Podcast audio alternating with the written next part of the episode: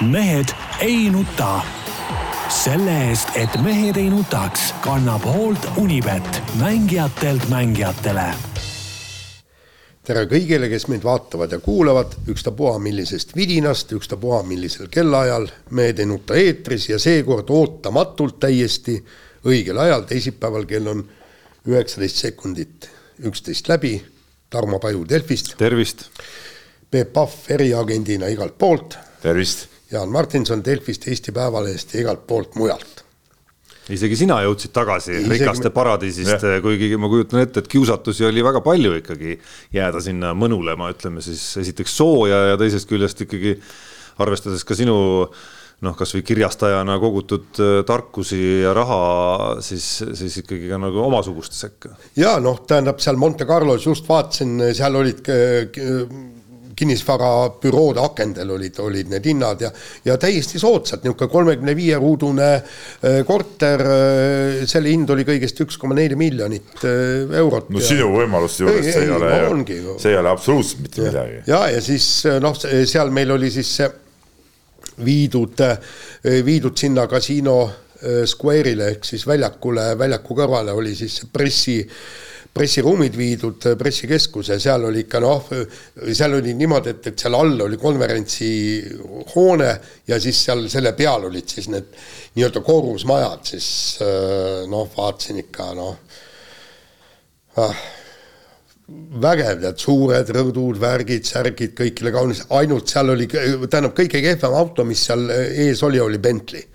et oli Ferrarisid oli ja kusjuures musta värvi Ferrari tead, et see, see nagu päris õige asi ei ole, aga et noh, elaks. teades, teades, kuidas sa, Jaan, ikkagi vaikselt no ütleme, pensionipõlv ei ole liiga kaugel ja kuidas sa ikkagi teed eh, konkreetseid plaane ka, kuidas, kuidas veeta, veeta see tekkiv ajastu oma elus ikkagi võimalikult meeldivalt, siis siis kas tõsine kandidaat ikkagi on see Monaco ja, ja Monte Carlo kant? no ilmselt ei ole, sest ma olen no. rohkem maainimene, mulle, mulle seal maal ma tegelikult. maa ei ole ka kaugel. maa ei ole seal kaugel jah, see on nii väike koht, et sealt eh, ei, kohe oledki maal nagu autosõjad väljas, ma olen käinud seal, ma tean. ei no tegelikult, mis ma, mis ma vaatan, kus tõesti tahaks, oleks äge oleks elada, kui ma vaatan, sõitsin mööda mägiteid ja orge, siis äh, sõitsin äh, kapist Nitsasse äh, neli tundi ja kõike. Ja siis, kui ma vaatan te, tegelikult need Prantsusmaa mägikülad on ikka hirmäge, ägedad, seal kuskil mäe otsas on seal majade kogum, eks, või sõidad mööda, seal oli mingi noh, ta on küla, mitte linnak, kakskümmend maja. Ja alati igal pool on olemas kaks asja. restoran, restoran ja teine on pagari töökoda. enamasti mitu restorani. nojah, no kahekümne maja peale ilmselt üks. ei tea midagi no,, mul on mälestus Itaaliast, kus samamoodi neid mägikülasid on päris palju. üks selline tore linnakene Toskaanas nagu Montefollonico, polnud varem kuulnud, ei ole ilmselt keegi kuulnud, kes sinna sattunud ei ole oli mingi külaliste maja seal, kus ma pooljuhuslikult, äh, ma ei mäleta, Booking'u või Airbnb kaudu sattusin Äh, seal oli selles majutuskohas endas oli restoran, mis meie mõistes oli ikkagi selline nagu pigem noh, natukene isegi selline nagu kallima otsa, kallima otsa, eriti arvestades, et seal asjad üldiselt on odavamad. ja siis, ja siis vaatasin, et ega seal külakeses endas ja ega seal palju rohkem maju ei olnud, kui see kakskümmend, on veel üks restoran.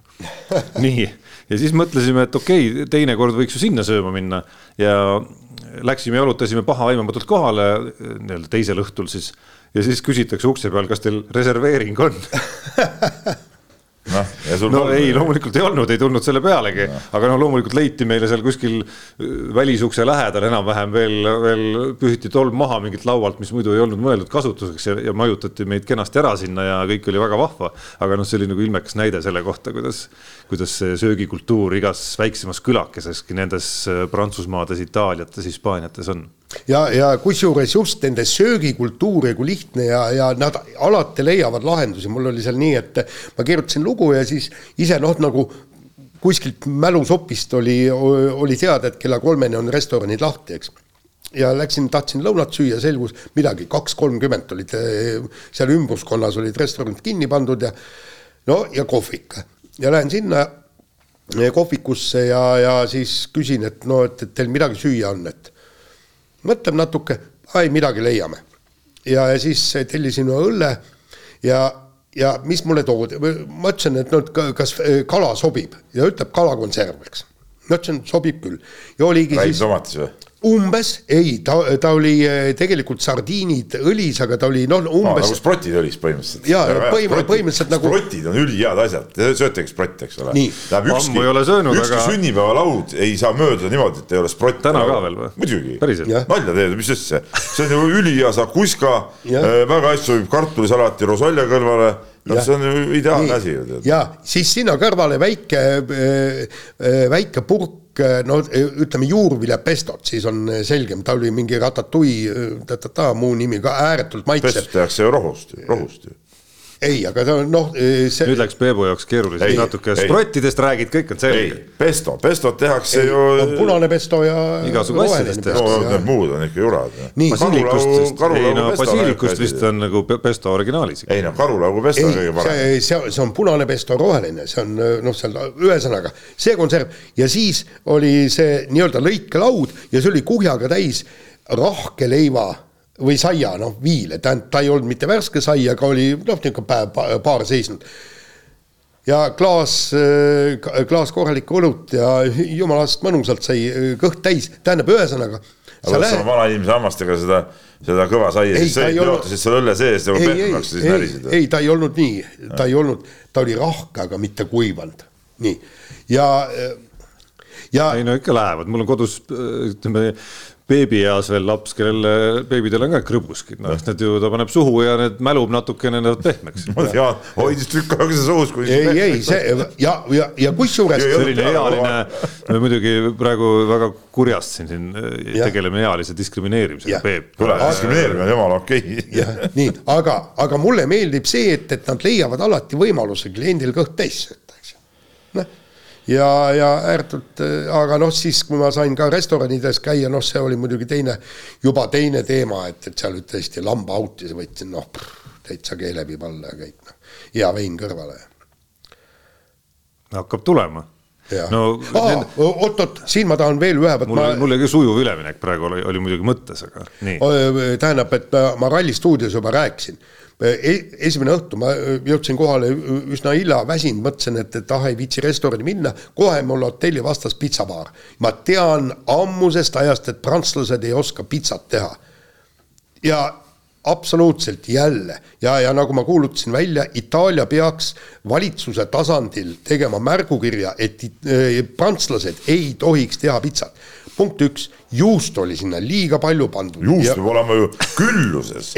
pitsa peal tuleb võtta isegi topeltjuust. nii, okei okay,, ma olen topelt. sa, sa, sa tead see rumalust praegu suust välja. ma oleks täiesti no. topeltjuustuga nõus olnud, aga seal oli neljakordne. no neljakordne juust on veel parem kui topelt. ei ole.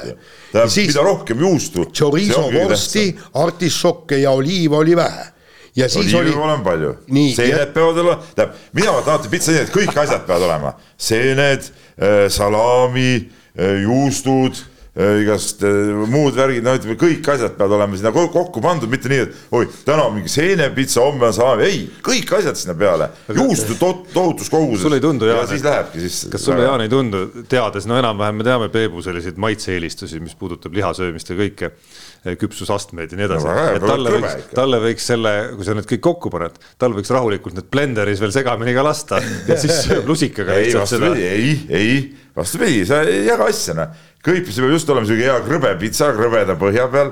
täpselt nii nagu hotelli hommikusöögis peab olema peekon ülikrõbedaks lastud, sest ainult siis ta on hea, mitte sihuke, sihuke lödi peekon. siin, siin, siin ma olen sinuga nõus. peab olema see, et samuti krõmpsub sul hamba all, vot see on nagu hea. sa oled ikka väga spetsiifilise maailma, ma vaatan, loonud endale, milles elamine ei ole lihtne kindlasti. selles mõttes, et sa pead, et maailm, ei no, et maailm, maailm peab kogu aeg nagu sinu järgi kogu aeg käima. ja kui ma tellin endale pitsa, siis ma tellingi sellise, kus rohkem. no aga mõtle, kui ei ole siis selline noh. siis ma lähen järgmist kohta sööma. täielik jama noh. ja, ja iga, igal pool, kus ma olen käinud ja võib ütelda, et ma olen ikka suhteliselt palju käinud, alati ma olen saanud seda, mida ma tahan. on aga kui me siin kulinaariast juba rääkisime ja, ja sellisest nagu jõude olemisest, noh siis eelmises saates jäi meil ikkagi väga selgelt küsimus õhku, et kas Raimond Kaljulaidi sünnipäevakutse tuli ikkagi lõpuks Peep või ei tulnud, või ei tulnud? ei tulnud, noh. ja nii, et ikkagi see kraanikausi alune kalts ja kõik see, sa oled tundnud ikkagi hiljemalt laupäeval, ma kujutan ette, kui, kui sa teadsid, et pidu käib kuskil ka veel, eks.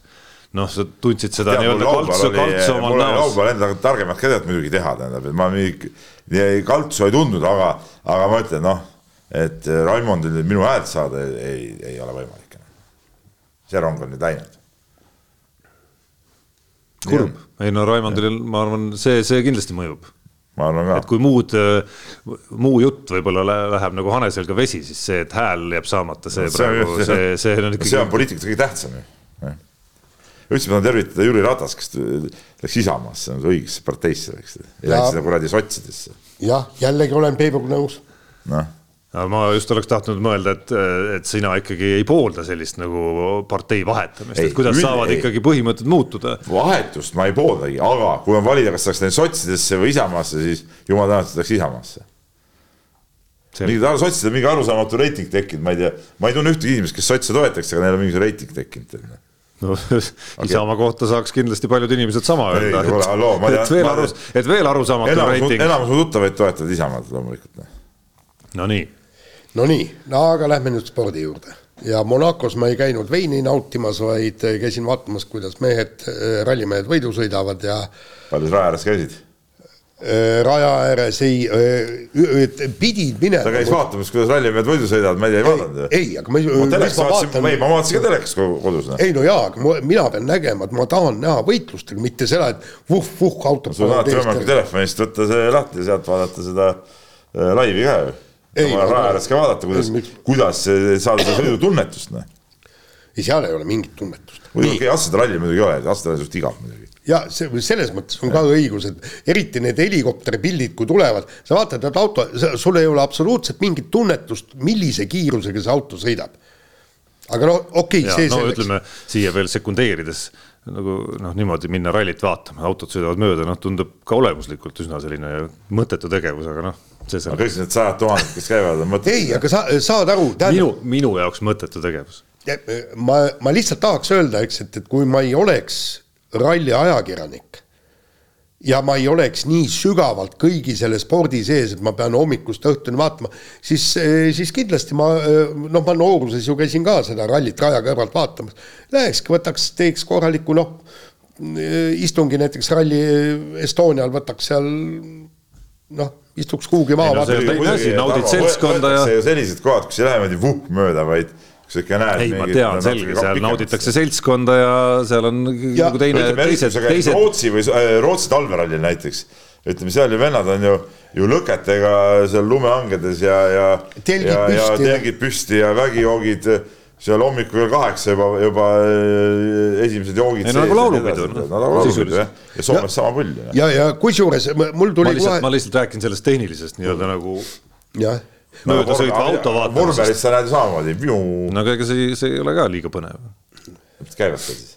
no ei no nendele meeldib, ma räägin endast see, et aga, aga mis, üks mõte tuli mul pähe, kui ma vaatasin, vaata, kui see oli neljapäeva öised katsed ja see oli täielik möll. muidugi ei olnud, ikka õhtused. ei no, no nad olid siis, no pimedad katsed no,, eks noh. kas on öö siis, kui pimedaks läheb või? no.. mis sul läheb siis, talvel hakkab öösel juba kell neli või? no absoluutselt, muidugi. nii, olgu, aitame selle jutu nüüd vee peale, räägime ikkagi sellest, mis on oluline, ehk et äh, mida see ralli siis näitas jõudude vahekorra kohta, kas Ott Tänak on ikka tiitlisoosik või ei ole? no mitte midagi neil on. ma ütlesin kohe, et see ralli ei näita ka Rootsi mitte midagi veel.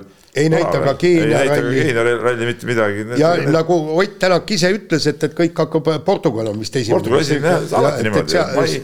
kas ma, ma nii palju ma urgitseks edasi ikkagi, et äh, okei okay,, ei näita midagi noh, eriti Ott Tänaku puhul, kes, kellel see ei ole kunagi trumpralli olnudki, kes on uue auto peal. no, no kuidas ta mõttes... ei ole, ta on sealt saanud no, teise koha no,, kolmanda koha, ta on väga hästi. no ilmselgelt ei ole kruusarallide või, jaa, aga noh, kruusarallide või kiirete rallide või talverallidega võrreldes see ei ole ilmselgelt tema nagu see leivanumber. et äh, pluss ta on uuesti, noh, justkui taas uues tiimis ja nii edasi ja nii edasi. Äh, kas siis Neville versus Evans duellis vähemalt tõesti ei saanud me natukene võib-olla pilti selgemaks. Ja kindlasti saime. et ikkagi Neville on okei okay, ühe ralli pealt, aga Neville tegi nagu selles võitluses küll nagu asja päris selgelt selgeks. aga vaata, pane, pane siia juurde just, et sellel rallil ta suutis äh, niivõrd palju endast välja pigistada, et ta pani ju tegelikult kellele ära, Osieele, me räägime ikkagi see, seda võitlust. Ja, ja tegelikult nii Ossier kui ka Evans kui ka Jari-Mati Latvala, Toyota pealik kõik nad ütlesid, et tegelikult pani Neuvill pani hullu. et ta sõitis täiesti limiidi peal ja, ja natukene ka üle piiri.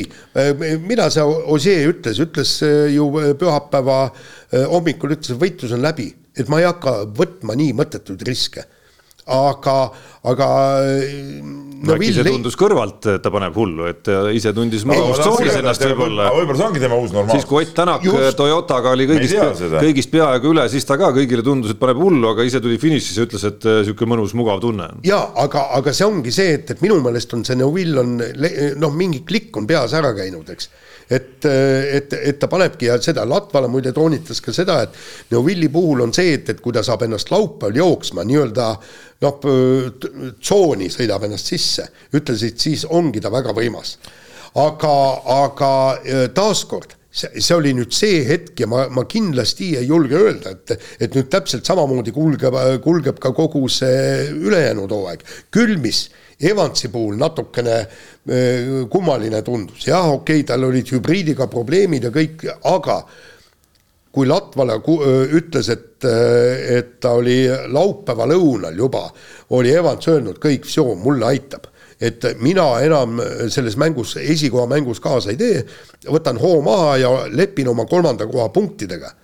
siis vot selline suhtumine, kui sa tahad tulla maailmameistriks samas jälle. samas jälle teistpidi on tarkus võib-olla. ei, ma ei, ma ausalt vot, ma lugesin seda mis sa kirjutasid sellest ja, ja, ja ma ei, ma ei arva, et selle ühe selle siukse võib-olla taktikalise käigu pärast saab äh, Evansit nüüd äh, maha matta ja, ja selle ühe ralli põhjal Neuvilli niimoodi taevast tõsta, need on kõik nagu mingi ühe võistluse emotsioonid, et, et, et see ei ole mingi absoluutne tõde, et, et Evans ei suuda sõita ja Neuvill on nüüd mingisugune, ma ei tea, mis gigavend.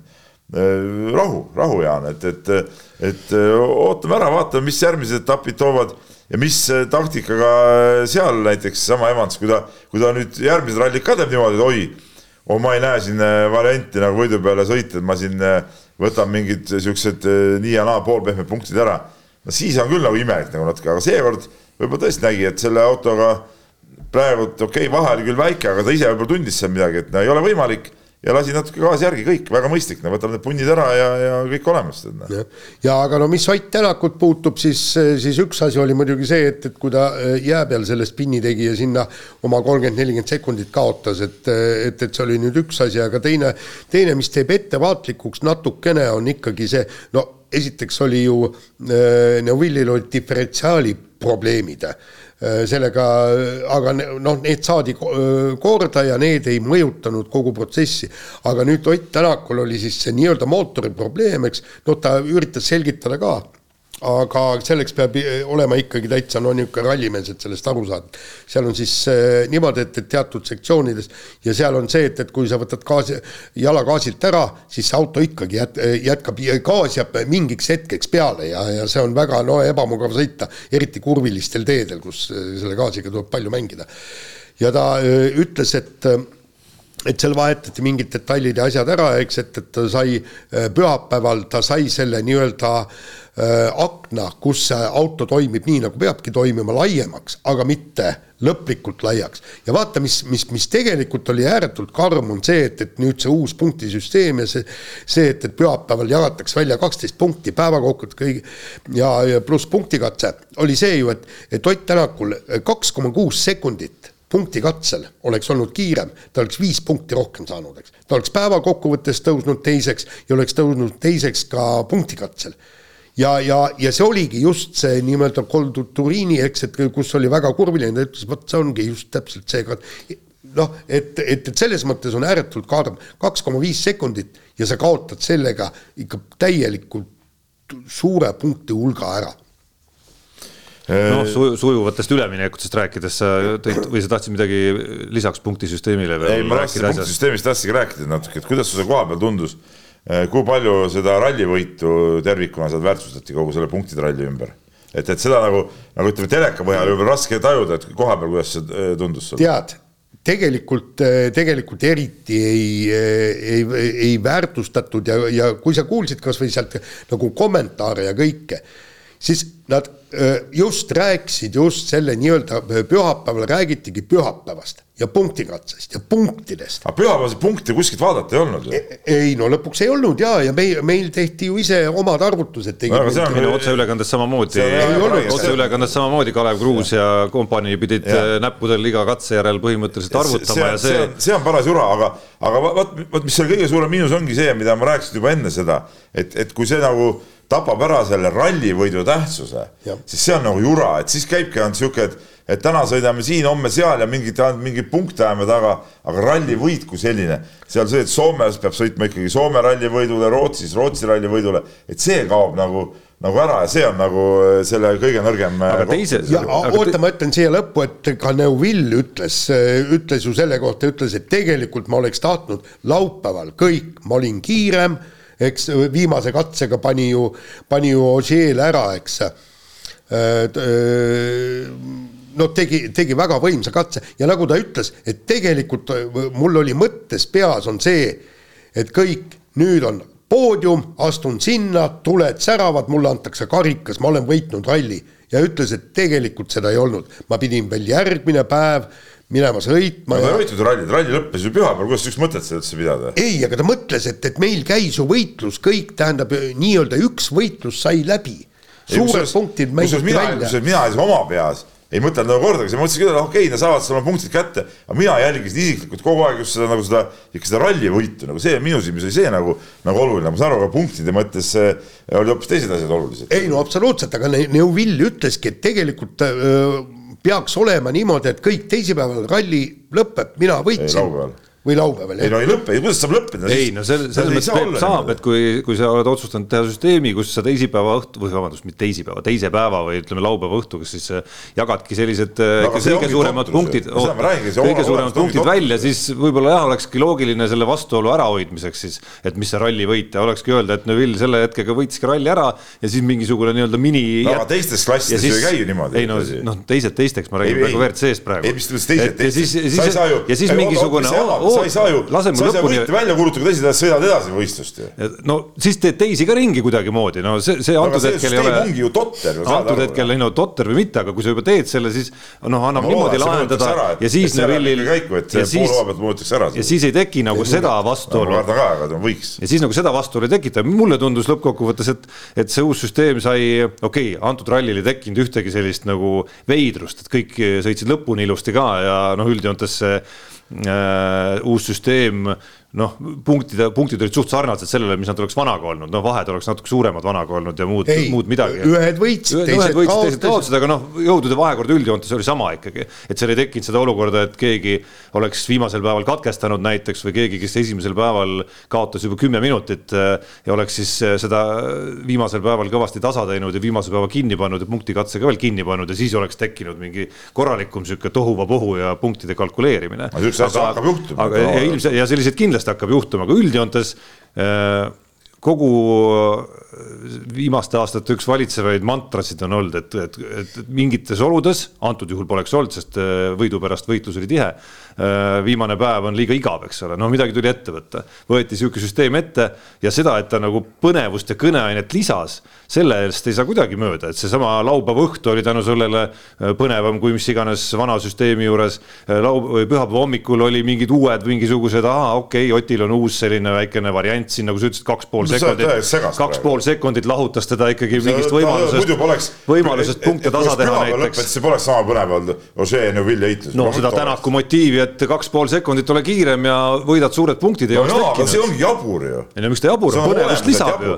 jutt käib ju rallist, ralli algab esimese kiiruskatsega, lõpeb viimase kiiruskatsega, see on sama hea, kui sa kuulutad Kossu mängus, mängu võidab peale kolmandat veerandajaga ees olev võistkond ja siis mängid veel kümme minutit neljandat veerandajaga, et selle eest siis saab tabelisse, ma ei tea, pool punkti juurde. Ja- põhimõtteliselt sama ajuvaba ju. ja, ja, meeldib sulle või? ja siis lõpus ei mängid ütle, ütle, ei ütle, kas see meeldiks üks süsteem? esiteks ei ole täpselt sama võrdlus Miks ei ole?, see sama võrdlus oleks see, et, et me toome näiteks seesama, millest me alustasime, et, et selle, selle võidu vastuolu siis lahendame sellega ära, et okei okay,, laupäeva õhtuga Neville ongi võitnud selle noh. ja see teeb see praegu sama välja ju, Kossuks samamoodi. no ei tee sama välja, pühapäeval on uus sõit, uus mäng põhimõtteliselt, no ei ole ju. no on ju saab, on uus selles mõttes, et äh, sisuliselt ajad nullime ära ja sa ei, mingit üldarvestust sa ei pea enam. langed äh, viimasel päeval kolmandaks, mis punktid, kuidas siis punktid oleks jagatud, ma ei saanudki aru sellest ausalt öeldes.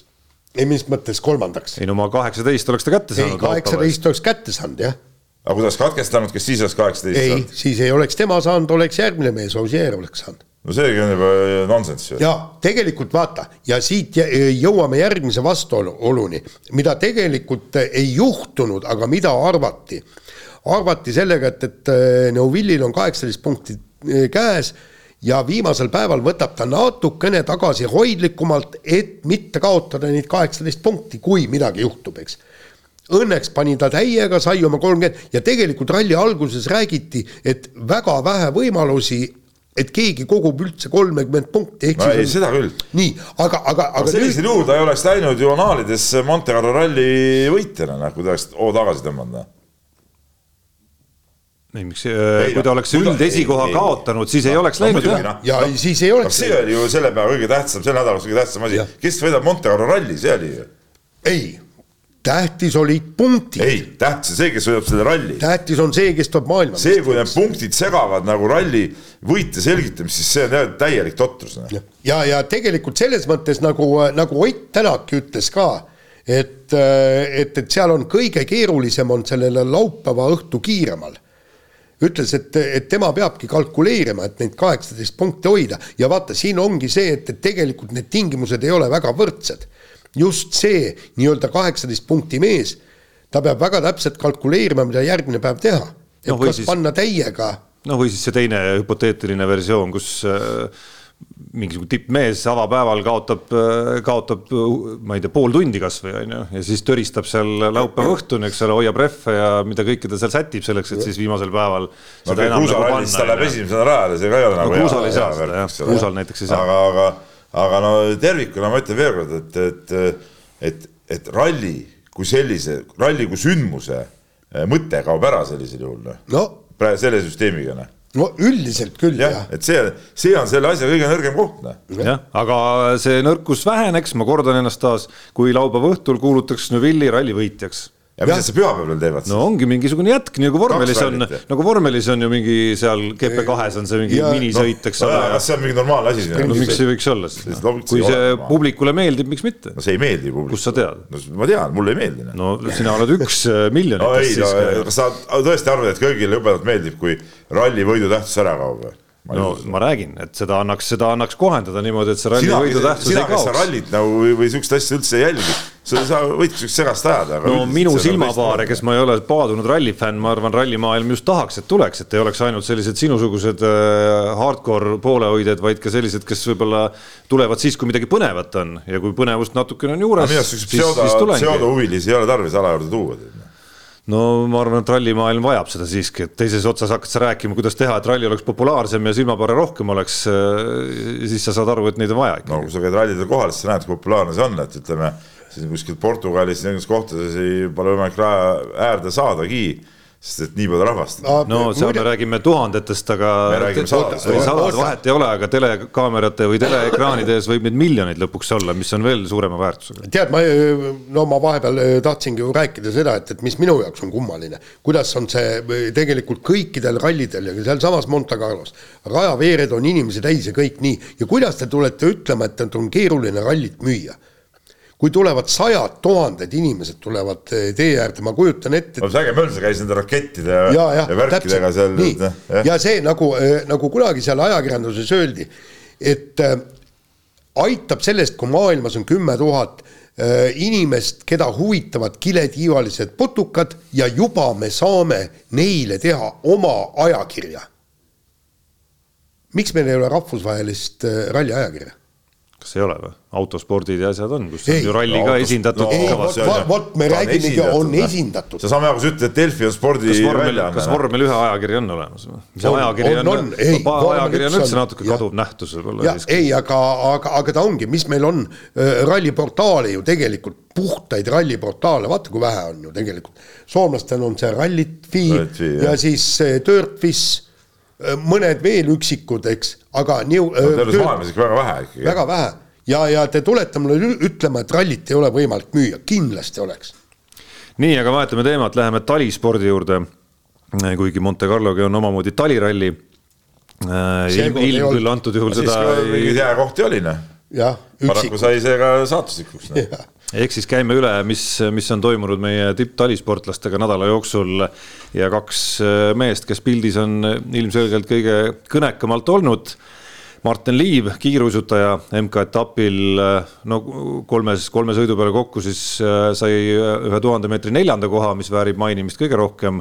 pluss oli siis tunnistajaks ka ühele väga võimsale maailmarekordile, mis mis pani natukene mõtlema, et, et päris karmi olukorda on temagi sattunud seal maailma tasemel, natuke meenutas sellist Rasmus Mägi olukorda, kus ülikõva vana, aga siis kuskil on, kuskil on Vaarholm, kes elab mingis oma sajandis kuskil. no aga paraku on. sport ongi selline. jah, sport ongi selline ja, ja, ja tegelikult ongi, ütleme, kui Eesti on hulk Eesti sportlasi, kes on leidnud selle väikse ajavahe kui neid valitseja, kas, võta Gerd Kanter, Alekna enam ei olnud see ja Harting veel ei olnud see ja maailmameistritiitel ja olümpia, olümpiavõit tuli. millal mm, võitis kas no ma ei tea, kas see nüüd kõige parem paralleel on, kui sa Gerd Kanteri oli ise kaks aastat valitseja. kui sa Kanter oli ikkagi nagu ise valitseja, valitseja, mitte ei kasutanud kellegi auku seal ära, et kui sa ei. tema tipp, äh, võtad need tema, mida nad arvutasid tihti seal see mitmekümne parima heite keskmised ja nii edasi, siis see oli ikkagi vägev. ja oli vägev küll, aga enne seda oli, leppis ta oma hõbedatega, sest Alekna oli valitseja ja pärast oli Harting oli valitseja. jaa, aga no ta oli Tais... ise samamoodi valitseja ikkagi, mina ütleks aga okei okay,, mõtle. jaa, aga ei, aga see, see ongi, ta oli valitseja kahe aasta, kahe-kolme aasta jooksul ja just siis, kui öelnud nii, võta Ott Tänak, millal ta tuli maailmameistriks, siis kui Sebastian Ogier paarutas selle Citrooniga. ja, ja, ja, ja nüüd ongi, kui mõnes teises autos kohe järgmine aasta Ossier kohe võitis maailmameistritiitli ära, eks. ja ta leidis selle augu, võta Kristiina. kes väga hästi kasutas oma hetke ära, oli Erki Nool näiteks jaa no,, absoluutselt. et seal olid maailmarekordi mehed ju, Dvoržakid ja Šeberled ja pärast teda tulid seal ikkagi juba, seal oli veel, O'Brien oli seal enne teda natukene ja natuke tema ajal veel. ja siis noh, pärast tulid juba mehed, kes viisid selle nagu selle üheksa tuhande punkti jahi nii-öelda veel järgmisele tasemele. jah, ja võta Kristiina Smigun ka, kui ta võitis kaks olümpiakulda, siis Marit Björgen ja Norra su suusatajad olid tol olümpial olidki kehvad oli vaja alistada ainult Neumanova ja, ja oligi asi no tehtud. see on nüüd see teooria muidugi ka sihuke omapärane, et olid tol olümpial kehvad ja oli vaja alistada ainult see. no järelikult siis Kristiina oli, oli sellel olümpial lihtsalt äh, nii hea lihtsalt. ei, ei, vaata, kui ta, kui ei oleks olnud noore Nemad nais... osk-, ei, nemad oskasid, äh, Kristiina tiim oskas selleks olümpiaks ennast vormi timmida norralasel see õnnestus, see ongi sport. Noh. ja ei, absoluutselt, aga, aga see oligi, et norralased olid enne ja pärast, eks, aga sellel olümpial ei olnud, eks. ja, ja, ja täpselt see kiiruisutamises on ka, eks. on, on, on mingi, tuleb mingisugune staar ja see on. aga ta liiv ei ole sihuke mees, et ta, kui seda staari poleks, ta valitseks seda ala, lihtsalt ta ta on isegi see aasta juba ju kõvasti teinud, tal on ju, ju medal, medal taskus ja kõik on jumala tipp-topp, millest, mis ala see nüüd on siis? ei, aga ma räägin, MM-kuld on keeruline.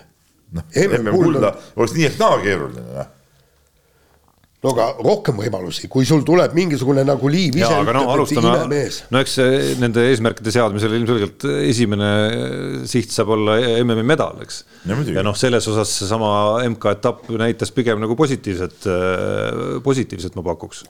kolmele, kolmele hollandlasele esimese tuhande meetri pealt äh, rahulikult, no rahulikult, eks, aga tegi, tegi neile kõigile ära, eks, ja, ja seal, seal oli poodiumi koht oli, oli kättesaadav. teine tuhat ütles, et oli veidikene väsinud ja ja, ja seal, seal nii hästi ei läinud, viiesajas Eesti rekord, jõle kahju, et ta tuhandes seda Eesti rekordit ei teinud, jäi puudu seitse sajandikku ja kuus sajandikku, eks.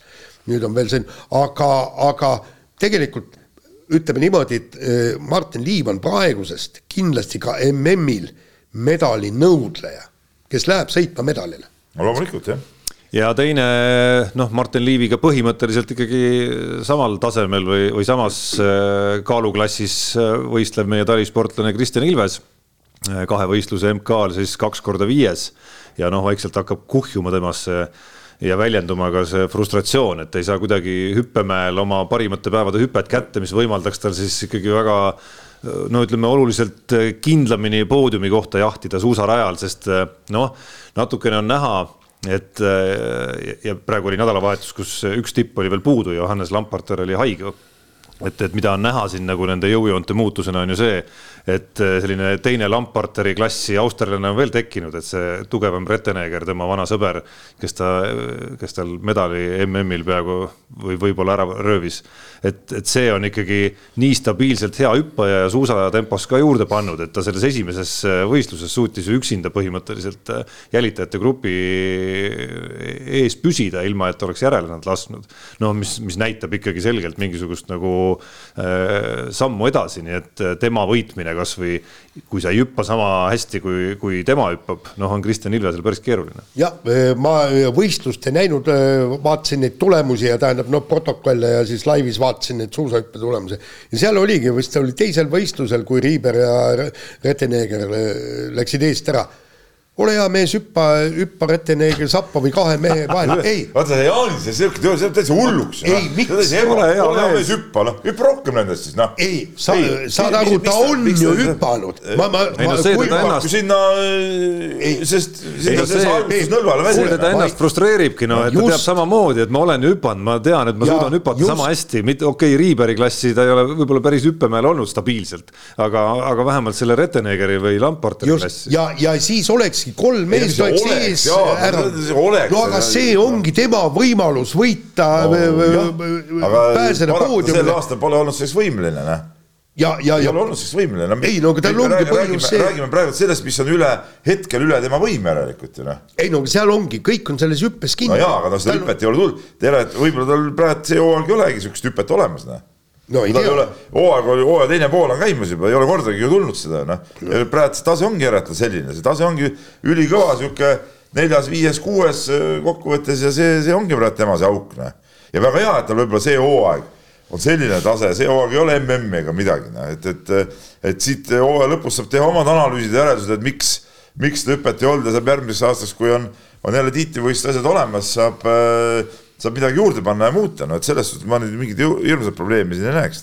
no ma usun, et äh, veel parem siiski oleks, kui ta juba enne järgmist hooaega leiaks need tehnilised nüansid äh, A ülesse ja B suudaks ka lahendada, mis, äh, mille taga see, ma ei tea, kümmekond punkti võib-olla seal hüppemäel siiski on. et mitte ei peaks tegelema ka terve järgmise suve veel otsimisega, et, et ma ei tea, mis, mis tunnetus mul siin kuskil täpses, täpselt, mis hüppefaasis puudu on mäletad, kui me tegime aastaennustusi ja seal oli küsimus, kas äh, Kristjan Ilves ja Tuuli Toomingas jõuavad mõlemad poodiumile, siis meil ei olnud suurt kahtlust, et, et Kristjan Ilves niikuinii jõuab. mina panen küll ei minu arust, kui ma õigesti mäletan. ei, äh, seal oli ju küsimus, kas mõlemad. ja, ja pandi ei, ei jah, aga me rääkisime, et, et Kristjan Ilves, tema jõuab niikuinii, kogu küsimus on ju Tuuli Toomingases.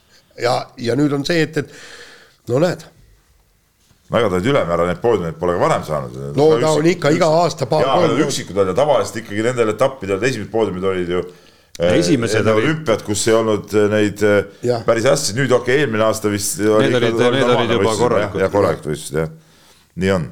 nii, aga lähme edasi ja Urmas Sõõrumaa, Eesti Olümpiakomitee president, rääkis siis intervjuus Eesti Ekspressile, et ootab, et Eesti Olümpiakomitee presidendi kandidaadid juba pea liivad välja pistaksid ja endast märku annaksid ja no siin ongi nüüd see küsimus, et kes siis need võimalikud presidendikandidaadid võiksid olla. suvel peaks vist olema järg käes või? ja pärast olümpiat. pärast olümpiat ilmselt jah ja., pigem jääb sinna sügise poole ikkagi rohkem. aga noh, ütleme niimoodi, et äh, eks ta ole keeruline äh, kes, kes tahab ja soostub võtma, äh, võtma endale selle, selle nii-öelda äh, noh, küllaltki tähtsa koha Eesti, Eesti spordis ja, ja suuta ka midagi ära teha. tegelikult ma arvan, et soovijaid on, aga, aga palju nendest soovijatest on tõesti väärt eh, seda kohta. no vaatame, no peame vaatama, kes, kes on, ütleme, oma alaliitude eesotsas näiteks eh, suutnud seda eh, mina arvan, et see võiks olla niisugune inimene, kes on mingit alaliitu vedanud, nii nagu Sõõrumägi oli ju, ju olnud võrkpalli ja, ja tennise eesotsas, eks ole. mina et näiteks Teigamägi on, on väga väga äh, võib-olla asjas sees, kes praegu on ka asepresident ja ja, ja tippspordikomisjoni eestvedaja ja nii edasi, nii edasi, et et mina arvan, et tema võiks olla kõige loogilisem kandidaat praegu sinna. no äh, aga tegelikult äh, vaata, Gerd Kanter on ju äh, juba varem öelnud, et ta tahab ühel hetkel. jaa, aga ma arvan, et Gerd Kanteril ei ole sellist võib-olla,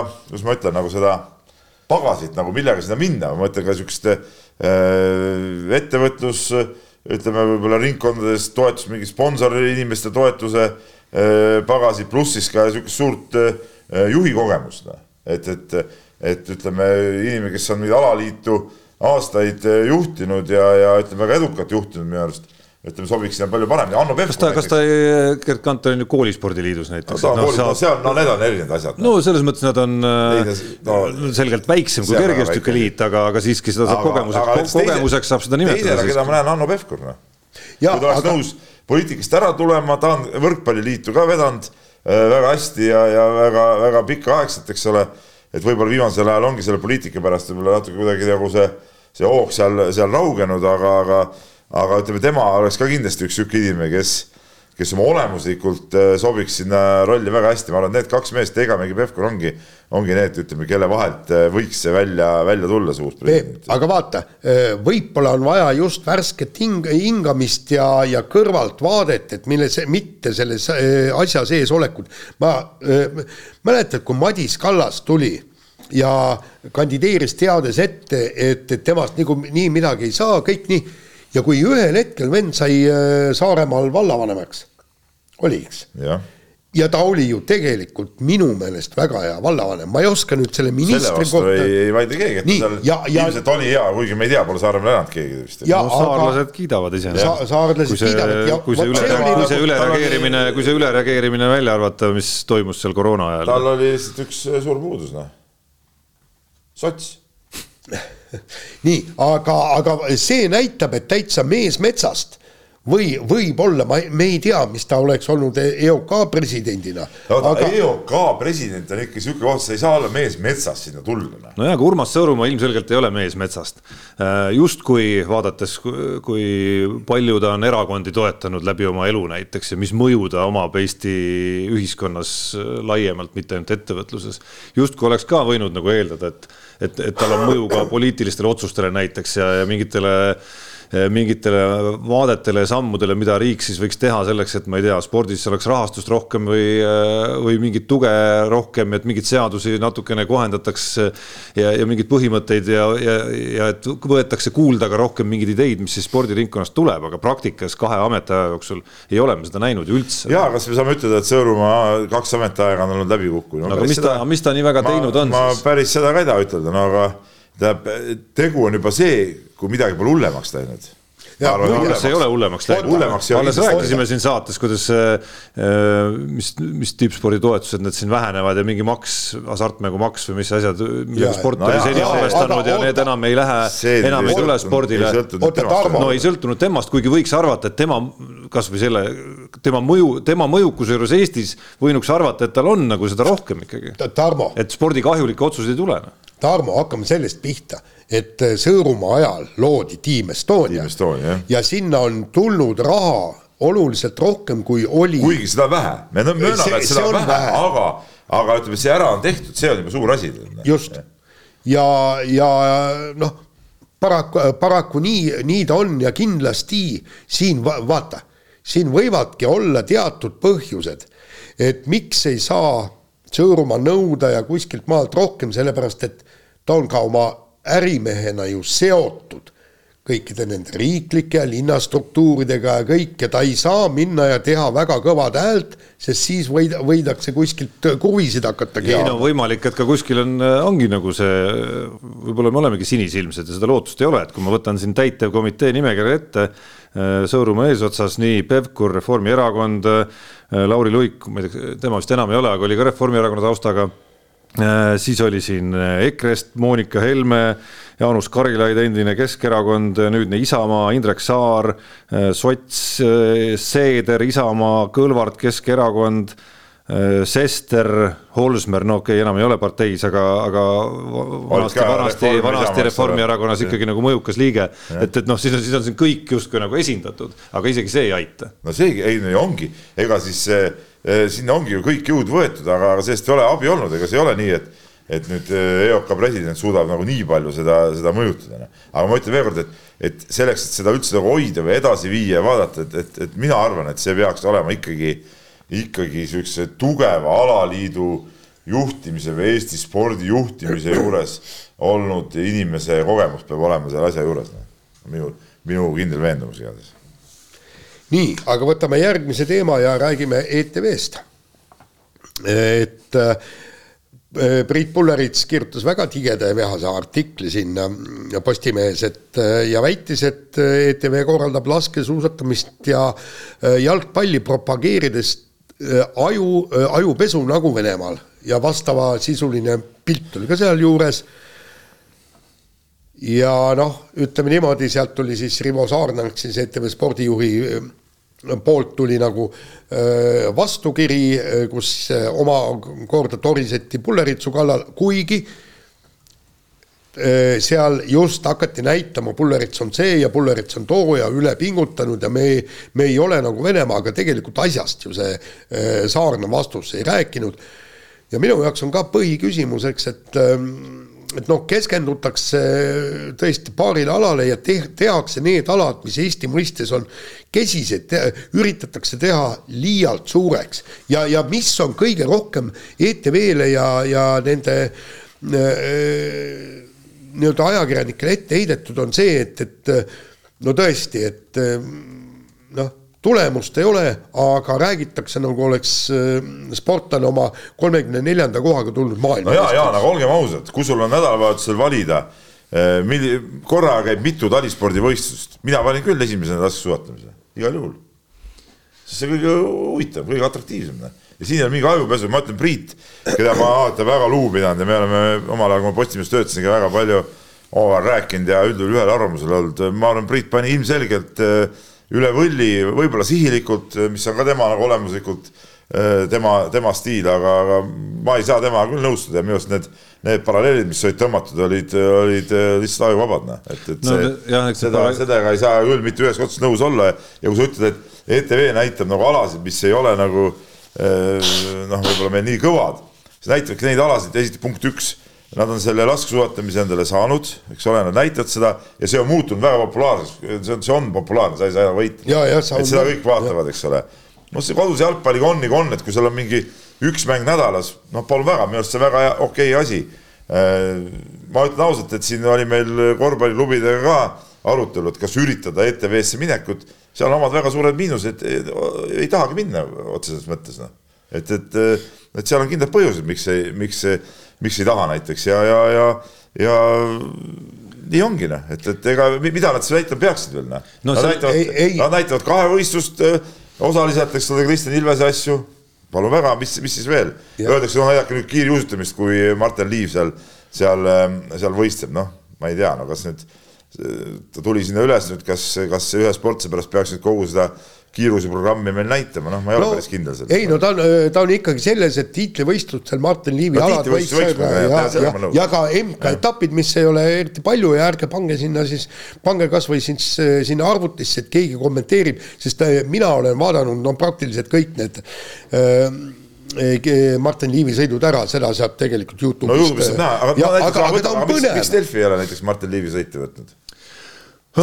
ma ei julge isegi vastata, ma ei julge, ma, ma oleks pidanud kontrollima selle enne saadet üle, kas, kas meie, kas meie otseülekannete eest vastutav inimene on uurinud seda, me oleme rääkinud sellest küll, aga siin tuleb juba mängu ka see, et, et et noh, asjad ei käi maailmas nagu päris niimoodi, et kuskil on, oletame, ükskõik suvalise riigi rahvusringhääling, rääkimata mõnest eraettevõttest, kes lihtsalt nagu vaatab näpuga ja, ja siis otsustab, et näe, ma tahan tükikese siit, ahah ma võtan tükikese nendest ülekannetest. Äh, ma tahan kümmet kõige tähtsamat korvpallimängu Eestit, siis ma tahan kümmet kõige tähtsamat jalgpallimängu Eestist, võrkpallimängu.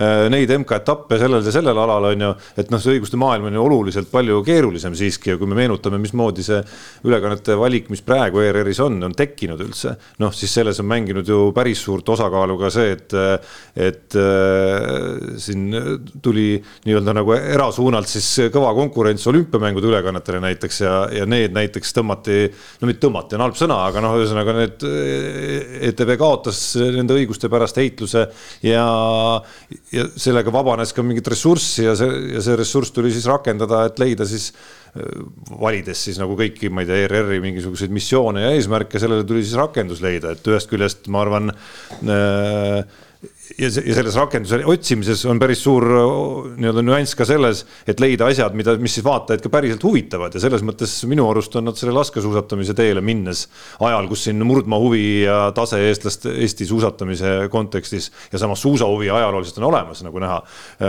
Need trendid käivad nii nagu on, on nad nagu päris ägedalt ja nutikalt leidnud selle ja on väga hästi ajakirjanduslikult no, üldpildis ka nagu teinud seda, jah mille kallal annaks norida, on natukene siis selline nagu omadesse suhtumine võib-olla või selline, et kas, et kas see, kas see, ma arvan, et seal on Pulleritsul, kui, kui nagu muus osas tahaks väga kriitiline olla, eriti selle sellisel ajal sellise paralleeli tõmbamisega, mille ta, ma saan aru, et ta selle Solovjovi pildi vahetas selle pärast ära selle artikli juures ja ise õigustas siis seda selle panekut ja seda paralleel, paralleeli sellega, et muud moodi ma ei saa ju tähelepanu.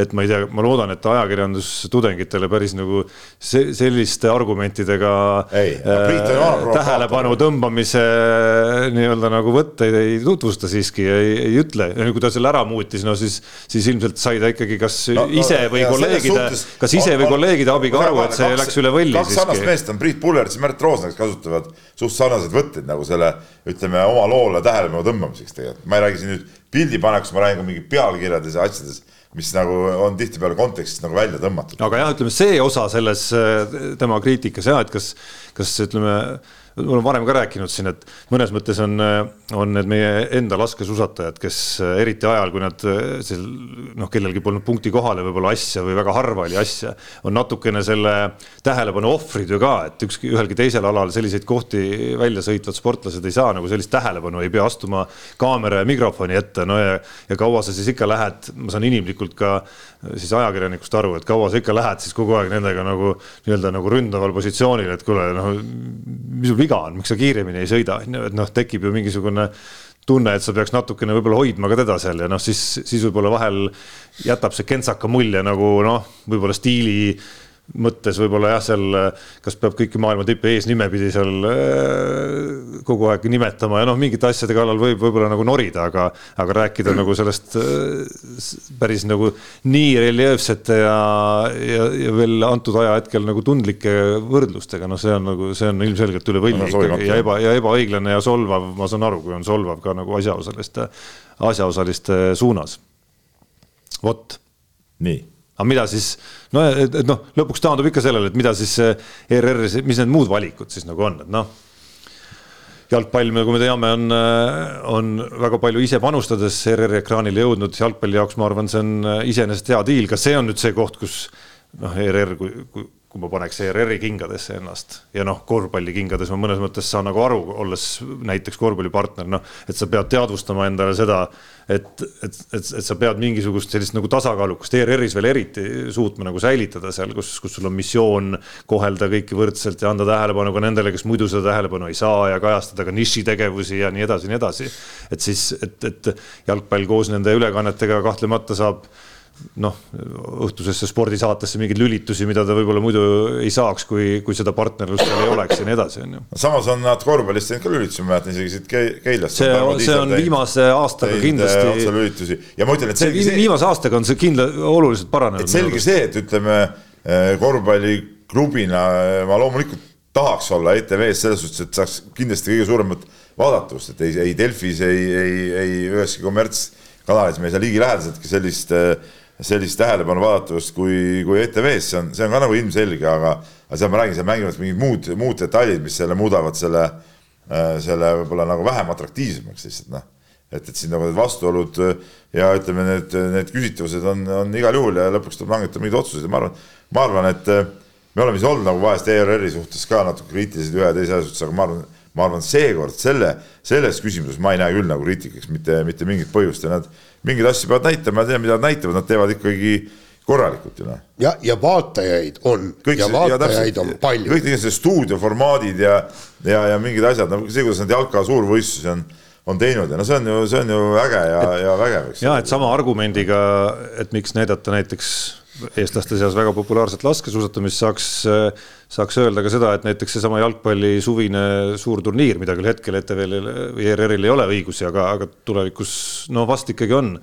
aga, aga pikalt-pikalt on olnud, et noh, ka seda ei peaks justkui nagu võib-olla rahvani siis nagu tooma, on ju aga mina sellega nõus ei ole, ma arvan, et see, et, et, et need valikud, mida ERR teeb, võiks siiski lisaks sellele jah, et, et tänu ERR-ile saavad tähelepanu ka võib-olla need, kellele ütleme, erameedia nii palju, kes peab lähtuma rohkem loetavusnumbritest ja, ja kõigest sellest nii palju ei saa anda.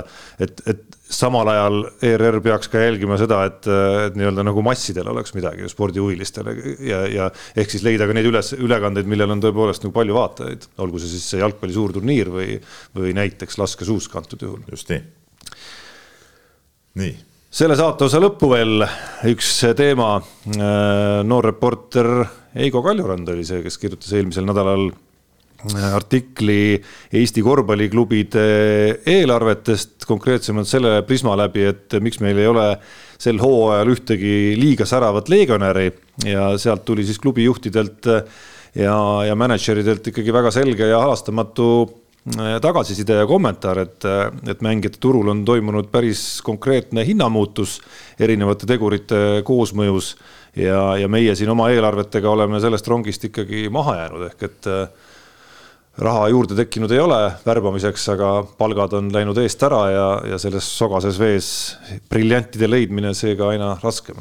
suhestud Peep selle jutuga? Äh, ei, absoluutselt, just äh, eelmine nädal enne ühte mängu ühe, ühe klubi, teise klubi juhiga sai ka korraks räägitud ja, ja, ja arutatud seal asju ja jutuajamise käigus seal jõudsime järeldusele, et vist äkki see Eesti-Läti liiga oma palgatasemelt on üks üks madalamaid äh, liigasid siin ütleme Euroopas, et, et, et eks ta, eks ta nii on ja kui vaadata neid võistkondade eelarveid ja seda, kuidas neid nagu kokku aetakse praegu, siis noh, siis nii lihtsalt on, noh, et, et, et äh, raha, raha on hästi vähe, raha on hästi raske saada.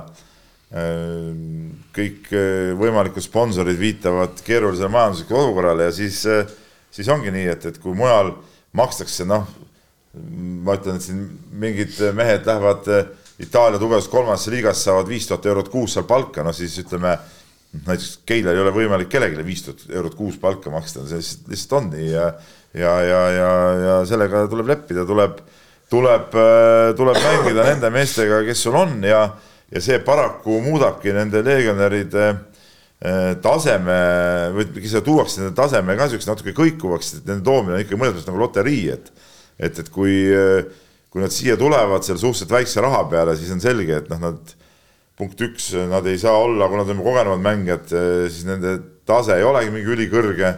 ja, ja punkt kaks on see, et, et, et kui sa võtad mingi siukse nii-öelda tundmatu venna, kes, kes võiks nagu tõusta, vot no siis see loterii muutub veel, veel suuremaks loteriiks ja, ja sa võid õnnestuda ja võid, võid mitte õnnestuda, noh, ma saan enda pealt näite tuua, et eelmine aasta näiteks, näiteks tsentriga me väga õnnestusime, kes tuli ikkagi suhteliselt väikse, väikse raha peale siia, siia mängima ja oli selles liigas väga kõva mees. no mängujuhiga ka. ja mängujuhi, no okei okay,, mängujuht, seal nagu see kvaliteet oli teada, mis, mis on, aga mõtleme just sihukest, keda, kes siin regionis polnud mänginud. Noh, see aasta näiteks tundus ka, et, et, et, võiks olla enam-vähem samaväärne mees, aga noh, näed tegelikkuses äh, oli pilt midagi muud ja, ja see ongi, ütleme, see nende rahanumbrite juures see, see, see, see loterii osakaal ikkagi, ikkagi on, on suur, noh. ja see on üsna ja. läbiv sel hooajal ikkagi, et kui hakata klubide kaupa minema Kalev Cramost alates, siis me näeme, et kõik on hädas olnud, et kõik on äh, mehi ka minema saatnud siin hooaja jooksul peaaegu. jah, aga tegelikult on see probleem laiem ja sellest oli Gunnar Männik, äh, kirjutas äh, Postimehes. Tiit Karuks kirjutas ERR-is et meil on üldse spordis raha vähe ja me ei ole ka muudel aladel, ehk siis individuaalspordis ja tippspordis, me oleme maailmast maas ja üha rohkem maha jääme, tähendab, ühesõnaga meil neid noortele ei looda neid tingimusi, mis oleks vaja selleks, et jõuda tippu. ja, ja, ja si-, siin ongi, siin ongi see tegelik probleem, ma täna rääkisin ka ühe ühe spordi, spordiinimesega ja ta ütles ka, et, et, et, et kuskilt maalt ei, ei saa praegu rahale ligi. just nagu Peep ütles, lähed ettevõtja juurde, et, et sponsoriks tulla, ütleme, et raske majanduslik olukord, mis ka on lähed riigi juurde küsima, siis kuulge, meil on õpetajate palgad ja, ja siis on päästjate palgad ja siis on vaja veel nelisada miljonit leida, et, et ei ole, ei ole sealt ka võimalik, et jah, siis tahaks omavalitsusest võib-olla on ju. ja on, oma, ja on omavalitsusi, kes noh, nagu Keilas näiteks äh, väga kõvasti on taga, aga teame omavalitsusi, kes ei ole samal määral, eks ole. võrdleme näiteks Leeduga, kus on omavalitsused väga kõvasti taga. ja, ja siis on justkui nagu ja samal ajal käib õpetajate streik ja, ja ka need rahad käivad läbi omavalitsuste ja on omavalitsusi, kes ei suuda oma õpetajatele maksta ka seda palka, mida riik selleks üldse nagu annab, on ju, vaid sealt läheb veel osa äh, hajuma, siis, äh, siis on ka justkui nagu keeruline minna hangudega spordisõbral nõudma, et kuulge, mis te jamate, on ju, et äh, makske ikka siin sada tuhat rohkem näiteks äh, mingile profispordiklubile näiteks. jaa, aga samas ütleme Leedus äh, kõik linnad maksavad oma meistriliiga võistkondadele ikkagi, ikkagi väga-väga suuri summasid, et, et, et see on seal nagu kultuuri osa, see on, see on ka väga paljudes muudes Euroopa riikides samamoodi, noh, et, et ja. see see kohaliku omavalitsuse tugi on ikkagi, ikkagi väga kõva. aga, aga, aga see ongi nüüd, äh, olemegi jõudnud niisugusesse surnud seisu, et, et siit ei oska nagu edasi minna, asjad peavad paranema. sporti peab tulema raha juurde, kui me tahame olla maailmaga äh, konkurentsis. on see korvpall, võrkpall, jalgpall või, äh, või individuaalspordid ja, ja just Karuks ütles, et, et Tokyo olümpia pealkiri on vist Tokyo olümpia kolmkümmend neli kohta jääb meil ainult unistuseks ja kui me vaatame kasvõi neid olümpiaid, olümpiale pääsejaid ja kõik neid ei ole. meil tegelikult sportlasi on, aga, aga nad ei jõua sinna eh, tippu, neil puudub see võimalus ja, ja just see alates noortespordist, nagu see Männik ütles ka ju, kirjutas, et, et see on treenerite probleem, eks. Ja eh, loomulikult tuleb treenerid harida, treenerid peaksid palju rohkem palka saama ja eriti just need noortetreenerid, kes panevad ju äh, aluse, kes panevad ju baasi kogu sellele spordile ja nii edasi ja nii edasi, et tegelikult on äh, asjad hamad. ja, ja mul endal on hea meel, et, et ma olen äh, varsti pensionile, et, et ma ei pea seda itku ja viletsust. ei pea menetlema seda asja. ei pea menetlema selles mõttes, et juba praegu, kui me vaatame, läheme aastasse kaks tuhat, kui meeletult palju meil on tippsporti, võta kõik need jalgratturid, judokad, vehklejad, äh, suusatajad, äh, kõik, kõik, eks. ja, ja mis meil praegu alles on. nii, aga laseme kõlli olen päris võimsas tempos oma saatega, ma vaatan kella praegu, tead nii äh,, kiire vahemäng, teeme tõesti kiiresti.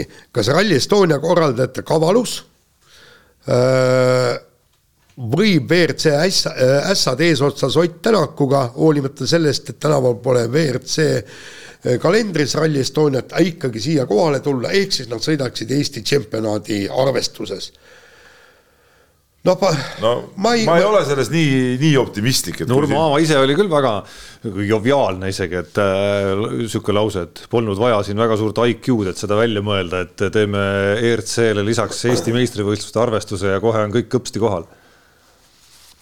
ma, ta mõtleb seda, et tahavad tulla siia Soome ralliks valmistuma või? jah no aga samas enne seda on olnud äh, Läti kruusa, kiire kruusaralli, enne seda on olnud Poola kiire kruusaralli. okei okay,, need teed on kõik erinevad võrreldes äh, Soomega, aga, aga nagu ma olen aru saanud Ott Tänaku jutust korduvalt, et ka, ka need Lõuna-Eesti teed on, on Soomega võrreldes nagu erineva, erineva struktuuri ja, ja sellega, et ma ei oska nüüd ütelda, kas nad nüüd sellepärast nüüd kõpsti kõik, kõik äh, kohal on, eks ole, võib-olla võib-olla Ott Tänakuga on äh, Autospordiliidu inimestel mingi eraldi kokkulepe, mida, mida Urmo Aava teab, et, et okei okay,, et, et davai mehed, et kui see aasta WRC rallit ei ole, no siis ma kuidagi proovin oma selle tiimi siia meelitada ja, ja niimoodi, aga et nüüd kõik sellepärast siia tuleksid, seda, seda ma kohe, kohe kindlasti ei, ei usu. Ja see, et et äh, Eesti meistrivõistlus, no ka kui WRC ralli oli, oli see Eesti meistrivõistluse etapp samamoodi, no et, et, et siin ju mingit äh,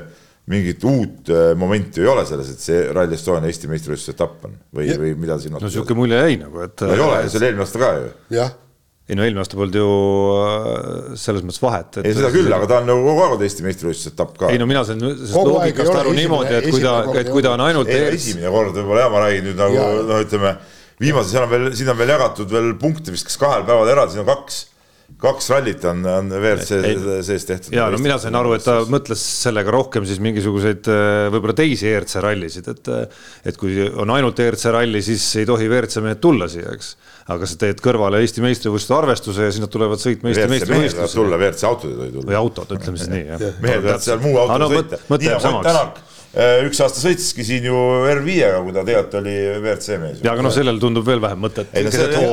aga, aga vaata siin, siin on ju see asi, et, et äh, Rally Estonia ju äh, ja Urmo Aava koos oma kompanjonidega võivad ju teha tõesti nendele WRC ja nagu nad ongi teinud nii-öelda raha ühesõnaga hea, hea, pakkumise. hea pakkumise, ühesõnaga maksavad kõik kinni, tulge siia, testige ta-ta-ta ja kõik, et siis võib küll mõelda, aga, aga kuna see kalender on niivõrd tihe ja just neid kruusarallisid on niivõrd palju, et et ma no, ei ole, ma ei ole selles kindel, selle loogika järgi peaks siis ju nad iga, iga, iga ralli ajal käima kuskil sõitmas, nad ei käi ju sõitmas, nad läheksid hulluks ju selle peale, noh.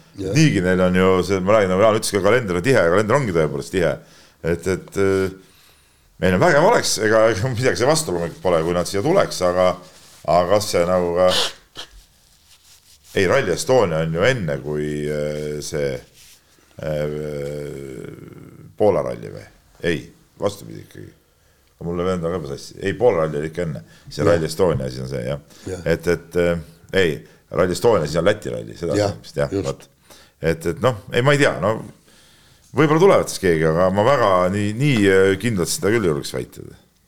Vahetame teemat, äsja Eesti meeste jalgpallikoondise debüüdi teinud üheksateistkümne aastane Andreas Vaher, noortekoondiste liider, lõi käed lõpuks Soome esiklubiga HIK uhke oli Andres Vaherit, eh, Andres Vaheri sotsiaalmeedias pilti vaadata. ja sattusin temaga juhtumisi Andresega, kusjuures eile Narva maantee kolmteist eh, trepikojas veel kokku ka, et natuke uurida lähemalt ja, ja ka õnne soovida, et. et natuke ja uurida, mis, mis need taustad siis nagu on, et, et ta läks Saksamaale ja sealt, sealt otsustati ära tulla ja siis oli vaja uusi valikuid teha karjääri osas. Ja ma saan aru, et neid valikuid oli nagu päris palju tegelikult seal Eestist kuni erinevate välisklubideni. Ja lõpuks siis selline näeb nagu justkui väga selline noh, lubav valik, kuigi lõppkokkuvõttes selgub see siis töö, töö ja praktika käigus, et kuidas, kuidas tal õnnestub seal siis hakkama saada, et et ei, selgelt raskem kui mõnes Eesti klubis läbi lüüa. no selge see. aga noh, samas ei ole võib-olla päris, mitte võib-olla, kindlasti ei ole ka nagu Saksamaa klubiga tegemist, on ju, kus see olelusvõitlus veel karmim. ja, aga ütleme, ta on ikkagi sihuke klubi, mis kogu aeg mängib Euroopa sarju ja asju, et, et ta on ikkagi väga-väga tõsiseltvõetav klubi. ja sa oled seal legionärina üheksateistkümne aastasena ja, ja sa oled seal keskkaits-, üheksateist aastase keskkaitsjana ehk siis positsioonil nagu Andres ka tähelepanu juhtis, et noh, kus pead ikka väga kõva vend olema, et, et keskkaitsesse usaldatakse. kus usaldatakse väljakule siis ikkagi nagu väga noort mängumeest, et sa pead seal ikka nagu näitama ennast väga kaljukindlana. aga noh, mina just vaatasin seda, et, et see on tõesti kõige parem Äh, lähtepunkt noorele mängijale, vaata just ongi, et Saksamaal selles, üks asi on meeletus konkurentsis, kui palju sa seal platsile saad, kõik, kõik muud asjad, eks. aga see ongi just seesama Klaavani tee, äh, noh, tema läks vist, oli Norra, äh, Holland, Saksamaa, Inglismaa, Itaalia pärast. et see ongi ja HIK on ju legendaarne klubi ja tal on fännid, fännibaas, neil on väga, väga tugev nii-öelda see tugevad juhid, väga, väga hästi kogu see asi toimib ja, ja kui ja kolmas asi on see, et, et sealt on läinud väga palju mängijaid väljamaale. ja tõesti, arendatakse mängijaid ja sealt on hüppelaud edasi. ja ma arvan, et, et see peakski olema samasugune karjäär, eks, Soome, Holland ja sealt edasi. sealt just, kusjuures just jäi uudis silma, et sealt äh sealt just Prantsusmaale läkski üks Soome vasakkaitsja näiteks, just, just nimelt äh, kahekümne üheksanda jaanuari uudis sellest näiteks nagu räägib, et jah, see noh, noore mängijana sa pead leidma siis lõpuks selle kesktee siis, et, et kus see, kus see nagu läbilöök ühest küljest oleks nagu piisavalt tõenäoline ja oleks nagu piisavalt keeruline, aga ei oleks ka piisavalt lihtne. et, et, et, et leida see nagu õige tase nagu üles, et kui Jaa, sa, et kui sa ei ole, kui sa ei ole päris äh, Ronaldo tüüpi või Zlatani tüüpi nii-öelda nagu talent on ju, et noh, siis, siis võib-olla nagu Manusse või, äh, või Liverpooli või kuskile sinna nagu minna läbilööki tegema on nagu keerulisem, on ju. aga samas kodu on jälle nagu liiga lihtne. tähtis on olla pildil, tähendab sellistes klubides, mida jälgitakse ja, ja see on selles suhtes. hoikood jälgitakse muidugi.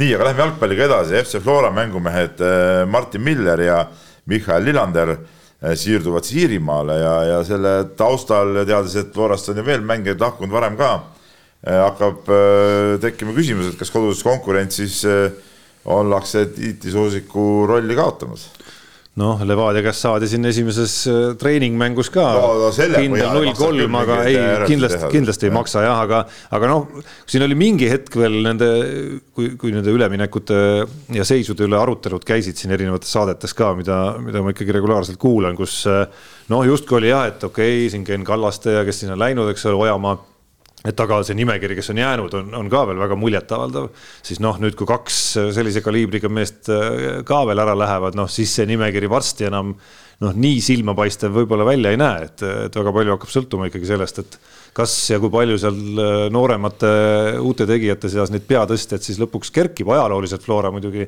noh, on näidanud, et sealt, sealt neid kerkijaid on, aga noh, nüüd on, need on nagu küsimärgid, nii nagu on ka uus treener mõnes mõttes ikkagi küsimärk, kuigi ta ei ole päris uus. ja, aga me oleme selles seisus olnud aastate pikku ja aastate tagant, eks ju, täpselt sama küsimus, et kui mängijad lähevad ära, kus siis on ja võtta, siis nad toovad mingisugused noored, keda sa noh, ütleme tavavaataja no,. meiesugune tavavaataja ei teagi. ei teagi ja, ja siis, siis vaikselt hakkavad kerima, kerima ja lõpuks hooaja lõpus on juba täiesti mängumehed, et. et sama, samas seda küll nüüd ei julge öelda ja veel eriti Eesti jalgpallis. et me, me ei saa nüüd öelda, et, et vot nüüd Levadia on nii suur ja vägev ja niivõrd head mängijad ja kõik ta-ta-ta, et. no nagu siin äh, nende, mis ta on see taliliiga või Liivimaa liiga või mis see, Liivimaa liiga vist või? noh, nagu selle pealt näha, nagu jah, nagu selle pealt näha, siis noh, esialgu ei ole siin kellelgi hõisata liiga palju, et, et, et ei ole bravuurikalt äh, oleme tegutsenud ja tuleme, vallutame kõik ära, et esialgu saame siin, viimase aja trend on, saame lätlaste käest siin täitsa korralikult tuupi. kõik ja ühtemoodi nii, äh, võtame järgmise teema ja noh, ütleme, et, et minu jaoks oli suur pettumus, et Novak Djokovic ei jõudnud äh, Austraalia lahtiste leifinaali ega võitnud seda, vaid äh, kas on Jakob Sinner või Jannik Sinner, kumb ta on? no vahet ei ole no,, Sinner on Sinner. Sinner, itaallane, kahekümne kahe aastane noor poiss. Jannik Sinner ikka jah. jah, Jannik Sinner ja, ja tuli ja võitis selle ära, kusjuures konis finaalis meid me, null kahest välja, jah. null kahest välja ja noh, ütleme niisugune vana mehena jah, ikka, ikka tahad, et, et, et need vanad mehed võidaksid, aga paraku on, on niimoodi, et et, et noored tulevad peale ja tegelikult mida mina ikkagi ootan, ma ootan ühte tennises valitsejat, mulle ei meeldi niisugused asjad, kus absoluutselt kõik võivad midagi ja, võita, kõik on lappesse no, läinud. minu arust, et Djokovic ongi praegu see valitseja, nii et noh. aga noh. no ma saan aru, et seesama Sinner on viimasest neljast matšist kolm tema vastu võitnud, et, et vähemalt võitnud, tema on tüpaaž, kes siis äh, suudab ikkagi äh, legendile hakata peavalu valmistama no üks asi. Alcarazi nagu lend natuke kuidagi on soiku jäänud siin vähemalt viimasel poolel aastal, aga, aga noh, vara veel seda ka no, lõppenuks lugeda. see Medvedjevi asi on ka huvitav, et mis ta neli korda finaalis oled, ühe korra võitnud, kolm korda äh, finaalis seal tappa saanud. ja, ja, ja kusjuures, kusjuures nagu ma mäletan, ta võitis selle kõige valusama finaali, võttis võimaluse Grand Slam välja ja, mängida ja, ja. Djokovicil. Et. see on ka päris kõva asi, kas neli korda jõuavad seal finaali. jah ja. aga, aga ei midagi, midagi pole öelda, looda, loodame, et, et veab välja suure tennisestaarina ja selle saatuse lõpetuseks osa, mida ma usun, enamik kuulajaid on läbematult tund ja kolmteist minutit ootama pidanud, nii nagu, nii nagu hiljuti oli siin Pealtnägija saade, mis reklaamis äh, Liis Lemsaluga paljastava intervjuu ja keerulistel teemadel intervjuu välja ja siis siis enne oli seal nii arheoloogiast kui mis klipid kõik seal läbi käisid, et nii palju tähelepanu. nii, nii neid asju üles ehitatakse. et nii palju, nii palju tähelepanu ei ole, ei olnud need teemad eales kunagi saanud. kui nad said tänu sellele, et, et see intervjuu ise oli ikkagi saate viimaseks siin need kõige osavad näpud on selle sättinud siia teemasse. no ega siis äh, strateegiline mõtlemine ja. Peab, peab, peab olema tugev ikkagi, ehk siis samas ei ole siin ka mingit sättimist, sest rubriik Nädal Keilas meil täiesti traditsiooniliselt selles kohas asub. ja Peep, no midagi ei ole, midagi ei ole siin teisipidi mõista, kuhu see jutt nüüd suundub, et kas Keila fännid on sul üle käte läinud ja mis sa siis ette võtad, et neid ohjeldada? No seleta lahti ka, võib-olla mõni pole kuulanud no,, et no tulevad kaks ametlikku äh, avalikku kirja, öeldakse, et, et Keila fännid sõimavad neid ja. Keila fännid on tüünud kellelegi, et, et mine, mine pesema ja, ja, ja, ja, ja nii edasi, eks ole. no sa nüüd pigem pisendad, ma saan aru. ei, mis ma siin pisendan, no tegelikult. Äh, on probleem või ei ole ah?? on probleem või ei ole? no eks seal midagi ikka on, ega siis päris tühja koha pealt äh, asjad üles ei tule ja, ja nii nagu me laupäeva õhtul ja pühapäeva hommikul Pärnu mänedžeri Juhan Kärbiga ka omavahel seda asja arutasime ja lubasin talle, et, et uurin välja, kes seal siis mida hüüdis või, või mis seal, mis seal siis täpselt oli ja, ja, ja pidime omavahelise asja ära ilusti lahendama. aga, aga no siin mingid ütleme, nobenäpsed eh, fännid hakkasid siin mingeid kirju kuskile saatma ja, ja tuli teema üles. noh, see selleks, et äh, aga mis ma oskan ütelda, no tervikuna ikkagi on siiamaani nagu Keila saal saanud ju väga äh, positiivset vastukaja oma, oma, oma ütleme nende mängude ja, ja, ja asjade eest, et, et äh, on öeldud, et, et vägev karukoobas ja vägev atmosfäär ja nii edasi, et mulle tuli nagu siukse nagu eba, ebameeldiva üllatusena, et, et äh, et nüüd nagu kuskilt tulevad välja mingid jutud, et kuidas juba eelmine aasta oli seal mingi pahandus ja ja, ja siin nüüd iga mängija kuskil ja nii edasi, et, et varem polnud need jutud nagu minu kõrvu jõudnud. ja ma arvan, et tegelikult tervikuna ikkagi Keila fännid ongi, ongi okeid ja, ja, ja teevad mürtsu ja, ja teevad vastase elu kibedaks ja, ja see kõik ongi okei, see, kui, kui äh, mõni fänn nüüd äh, seal ütleme, võib-olla ka liiga palju vägijooke tarbinuna mingeid äh, siukseid asju hüüab, mida ei tohiks hüüda, mingeid rassistlikke märkusi või, või või ütleme siin nii-öelda seksuaalse orientatsiooni äh, teemalisi märkusi, siis noh, neid äh, muidugi ei tohiks olla ja, ja veel vähem peaks olema äh, mingeid füüsilisi kontakte, et, et, et need on igal juhul taunitavad ja, ja, ja ma ütlen, et need, kes,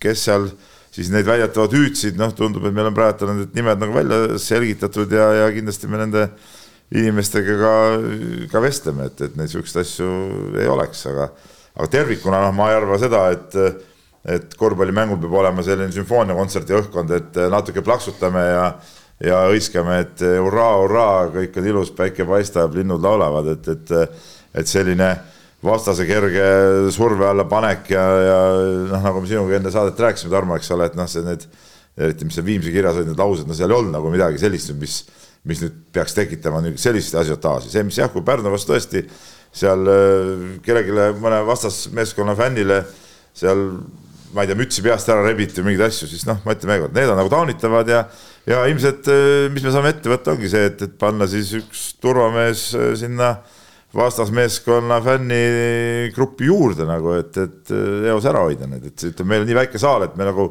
otseselt mingit äh, piiratud ala nagu seal teha väga ei saa, et, et äh, kõik, kes me saalis on käinud, näevad, et seal ei ole nagu siukest, siukest kohta või ütleme, kui me tahaks terve selle ühe sektori ära piirata, siis me kaotaks lihtsalt nii palju äh, inimesi sealt saalist, et, et see võib-olla pole õige, aga ütleme, kui sinna üks turvamees panna juurde, siis ma arvan, et see on, see on okei okay lahendus ja, ja, ja nii ongi. Äh, Tarmo, mis sa arvad, et äh, kõike seda juttu, neid lauseid äh, lugedes, see tundub, et see on ikkagi käesoleva ajastu probleem, et kas kümme aastat tagasi, mis sa arvad, kas kümme aastat tagasi oleks sellest tekkinud nii suur probleem või kakskümmend aastat tagasi? okei okay,, ma, ma ei räägi füüsilisest kontaktist ega midagi, aga lihtsalt niisugune, mine duši alla ja no ühest küljest on nagu lihtne ühte patta panna siis nagu seda mine duši alla, eks ole, kus on äh, tõesti no,.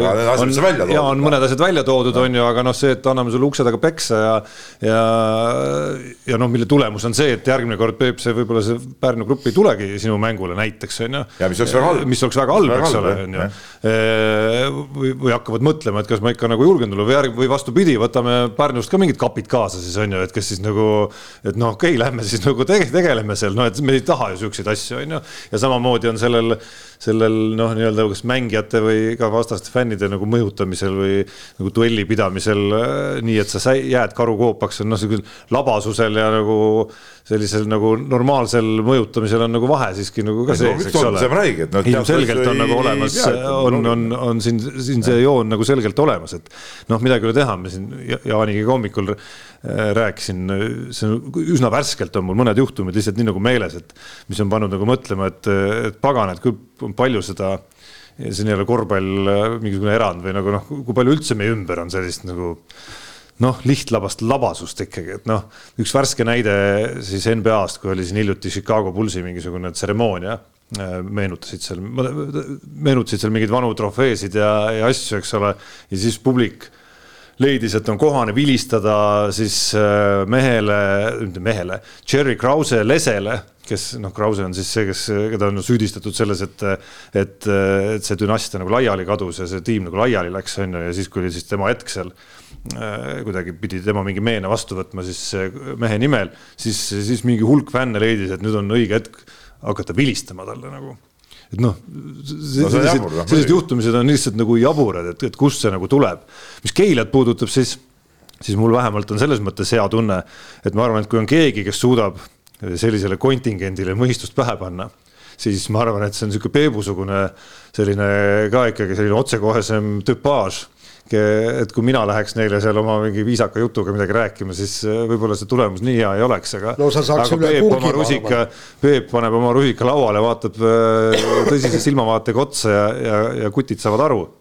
Ja teil on minu arust nii palju, kui ma olen seal käinud, teil on üks päris korralik äh, imposantne turvamees ka minu arust seal saalis, kes. ei, nad on, nad on taas GNLS-i vennad. nad roteeruvad seal või?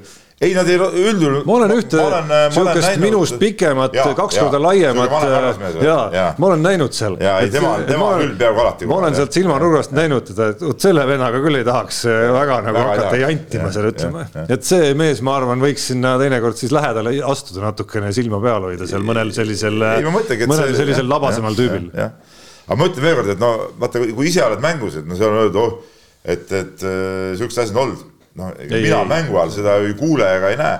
ma ütlen, kui äh, John mulle sellest helistas ja rääkis, ma võtsin mängu veel kord ette, vaatasin seda mängu ülekannet, jälgisin nagu tribüüni, et mis seal nagu toimub. Äh, panin veel hästi-hästi kõvasti nagu hääle, kutsusin veel Maruse ka, et kuule, tule kuula ka, et kas sa kuuled, kas sa midagi hüütakse, no ei. ei, seda väga, sa kuuled ikkagi väga, publikus olles, seal lähedal olles. välja see, et rääkisin inimestega, kes istusid otse Pärnu fännide kõrval muuseas ja ka nemad ütlesid, et nad nagu seal no ütleme, Keila inimesed ütlesid, nemad ei kuulnud midagi. üks mu hea tuttav, kes on nagu Pärnu inimene, kes ei istunud otseselt Pärnu fännide juures, ütles, et tema nagu midagi seal kuulis, noh. no nii häna, no ju seal midagi oli ja, ja ma ütlen veelkord, et, et, et kui need sellised sõnakasutused olid, siis nende inimestega nüüd me kindlasti vestleme ja, ja, ja ma loodan, et siukseid ütleme alla lati ütlusi ei ole, aga, aga, aga noh, mis, mis puudutab sellist, ütleme jah, ma ütlen veelkord, siukest vastase pinge alla panekut äh, tribüüni pealt ka, et, et see, seal ma nagu ei äh,, mis, mis jääb nagu mõistuse piiridesse, väljend, et seal ma nagu ei näe, ei näe nagu suurt probleemi, aga, aga jah, ütleme äh, kakelda kindlasti ei, ei ole seal vaja, et see on nagu, see on nagu, see on nagu jama, tähendab. Noh. ja, ja peale see ma ise väga tahan, mul oli Pärnu inimestega enne mängu ka juttu, eks ole, et nad tulevad, pidid alguses tulema isegi, isegi suure suure bussiga või seal oli mingi teema, noh, lõpuks nad ei tulnud, oli, siis oligi jutt, et kas me saame neile sektori panna, siis öeldi, et ei tule. siis me nagu loobusime sellest, noh, et loomulikult me tahame, et, et nad tuleksid ja, ja tahame, et meie fännid käiksid mujal ja, ja, ja aga noh, siuksed jah, jura, jurat ei ole vaja teha, et, et vastasseis peab olema, aga, aga nagu mõistuse piires. mis veel alkoholi puudutab, siis äh, väike lugemissoovitus, see on üsna värske lugu meie enda LP-s oli Juku-Kalle Raidiga, see oli pealkirja tasemel oli juba välja toodud see, et kuidas alkohol on ikkagi nagu tarkade inimeste jook, et, et on see, alkohol on selline asi, et tema tarbimiseks pead ikka nutikas olema ja tark. ja ei noh, ja, ja täpselt alati saab ju ka teistpidi asju ajada, vot see on see vana, vana anekdoot, kui poiss läheb politsei juurde ja ütleb, et politsei on M ütleb, kuule, vait, ei taha rohkem kuulda. Läheb paar päeva mööda, politsei on M. kuule, ükskord veel ütled, panen su kinnimajja. Äh, poiss tuleb sinna, vaatab politseile otsa, politsei küsib. noh, mida? tead ju ise, ütleb poiss nii, aga. kõll Unibetis saab tasuta vaadata aastas enam kui viiekümne tuhande mängu otseülekannet. seda isegi mobiilis ja tahvelarvutis. Unibet, mängijatelt mängijatele. Nonii, ja juba vibutab Peep siin võidukalt, võidukalt rusikat ja oleme jõudnud oma oma saate toetaja Unibeti rubriigini ja, ja Peep tundub, on siin Tšehhoslovakkia lauatennise manu ikkagi käinud ei, torkimas. täna ei olnud, täna ei olnud Tšehhoslovakkia lauatennist, ma ei tea, kas täna mingi puhkepäev või mingi jama, aga leidsin, leidsin teise võimaluse.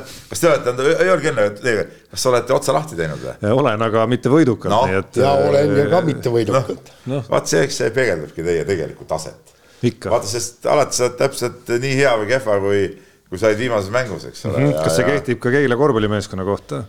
Absoluutselt, eile võitsime, et oleme väga head kuidagi napilt tuli. mõttes napilt? no kuidas napilt? kuule, no ma ütleks isegi, et olite raskustes esiliiga, mitte liidri vastu. raskustes me nüüd kindlasti ei olnud no.. mis see vahe kaksteist või palju seis? no jaa, aga ütleme kogu mäng oli ikkagi viieteist, kahekümne vahel, et, et seal noh, olgem ausad, ega ma tean, ma olgu, olgu, sul muidugi vedas, sul muidugi vedas praegu jah, et ma unustasin ära, et eile oli ka mäng, et et äh, et ma tean, et oleks soovinud muidugi, et, et mehed mängivad võib-olla natuke suurema, suurema energiaga, aga, aga ma mõistan neid ka, et ütleme, meil on tõesti kaheksa päevaga neli mängu ja, ja, ja seal no ma saan aru sellest, et nad pingutasid täpselt nii vähe kui, kui võimalik ja äh, lihtsalt seda oli natuke kahju vaadata ja ma ei, ma ei olnud sellega päris rahul. nii, aga lähme ikka ennustuste juurde ja noh, siis nagu kogenud ennustaja nagu ühte, üks aken oli kinni, avasime teise ja, ja ja sai siis võetud, sai siis võetud üks jalgpallimatš, mis oli parajasti käimas. ausalt ma ei oska nüüd ütelda, mis, see on Indoneesia, Indoneesia ISCA liiga, eks ole. aa, okei, ja, ja, ja, ja kindlasti. ja, ja siis äh, Presebaia meeskond mängis siis äh, Psissiga ja seal oli mäng oli käimas ja ma, oli üks-üks viik ja ma panustasingi, et see normaalaeg jääb üks-üks viiki ja, ja, ja nii käi. ei, aga no see on ju selge. no see oli selge, see oli näha, et seal ütleme seal, sealt nagu ei tule rohkem kolle, seal oli mingi kolmkümmend minutit oli sel hetkel mängida veel ja ja oli näha, et mõlemad triigivad seda mängu nagu Viigi sadamasse tegelikult. millest seda näha oli no,? see, no tean, teades nende. üks-üks oli seal ekraanil sellise fondiga ei, kirjutatud, et sealt õhus. teades nende võistkondade taktikalist no. ja, ja seda mängulist skeemi, siis mm, -hmm. siis. treenerite käekirja. treenerite käekirja, siis, siis täpselt nii oligi ja noh kaks koma null viis koefitsiendiga. ei no, siin ei ole, see aasta on, asi on otsustatud põhimõtteliselt. jah et. Äh, küpa panin, kakskümmend tagasi milles asi. Äh, vahelduseks rõõmustame meie jälgijaid ka, ka paari Mehed ei nuta nimelise eripanusega, mis puudutavad mõlemat tänast korvpalli. ehk siis äh, Tartu Ülikool mängimas võõrsil Ventspilsiga, seal Tartu võidule on võimalik kalastama minna ja teine, teine on siis tänane Kalev Cramo ja Pärnu Sadama mäng, kus on võimalik KOF-iga kaks panustada sellele, et Kalev võidab vähemalt seitsmeteistkümne punktiga selle mängu. mul endal oli kiusatus küll Äh, nii-öelda vastupidist äh, handicap'i proovida, aga aga siin, äh, kuna meie toetaja on ka Kalev Cramo toetaja, siis, siis tundus kohatu kuidagimoodi siin Kalev Cramo vastu seda eripanust välja leiutada, aga eks lõpuks otsustab no, iga, iga mängija ise. seitseteist, vähemalt seitsmeteistkümnega, ehk siis seitseteist pluss. keeruline. ma arvan, et see kaks on ikka väga väike koefitsient selle jaoks. ma ise ei valiks ka seda, ütleme nii aga mis, mis veel puudutab eelseisvat mängunädalat, siis sulle, Peep. Pärnul on ka Joonas nüüd rivis ju. mis puudutab eelseisvat mängunädalat, Peep, siis no. sulle on muidugi eriülesanne siin praegu, et sellele Liepajale loomulikult tuleb ära teha. kuskil järgmine nädal alles ju aa, ma vaatasin vale kuupäeva, no vahet ei ole, see on teie järgmine kodumäng vist jah? Eesti-Läti liigas. ei, kõigepealt mängime, homme mängime kõigepealt Newcastle'iga kodus siis mängime esmaspäeval väljas Kalev Cramoga ja siis alles kodus see Leepa mäng, et see on nii kaugel ma pole selle peale mõtelnudki veel. Noh. no mina vaatan tabelit, eh, muretsen sellepärast, et ikkagi oleks kolm Eesti klubi play-off'is, nii et eh, Keila peal on kõik panused, et see Leepa ja saaks ühe kaotuse juurde. et me ise tõuseks sinna? No kasvõi teie ise, mul no jaa, selle vastu ei ole absoluutselt midagi, on see Keila, Pärnu või, või TalTech seal. jah, et ütleme, ega see seis seis väga rõõmustav äh, ei ole, ütleme Eesti klubide poolt vaadatuna, et seal võib tõesti täitsa sihuke variant ka olla, et ongi ainult kaks Eesti klubi, noh. loodame, et nii ei lähe, aga, aga sihuke variant on.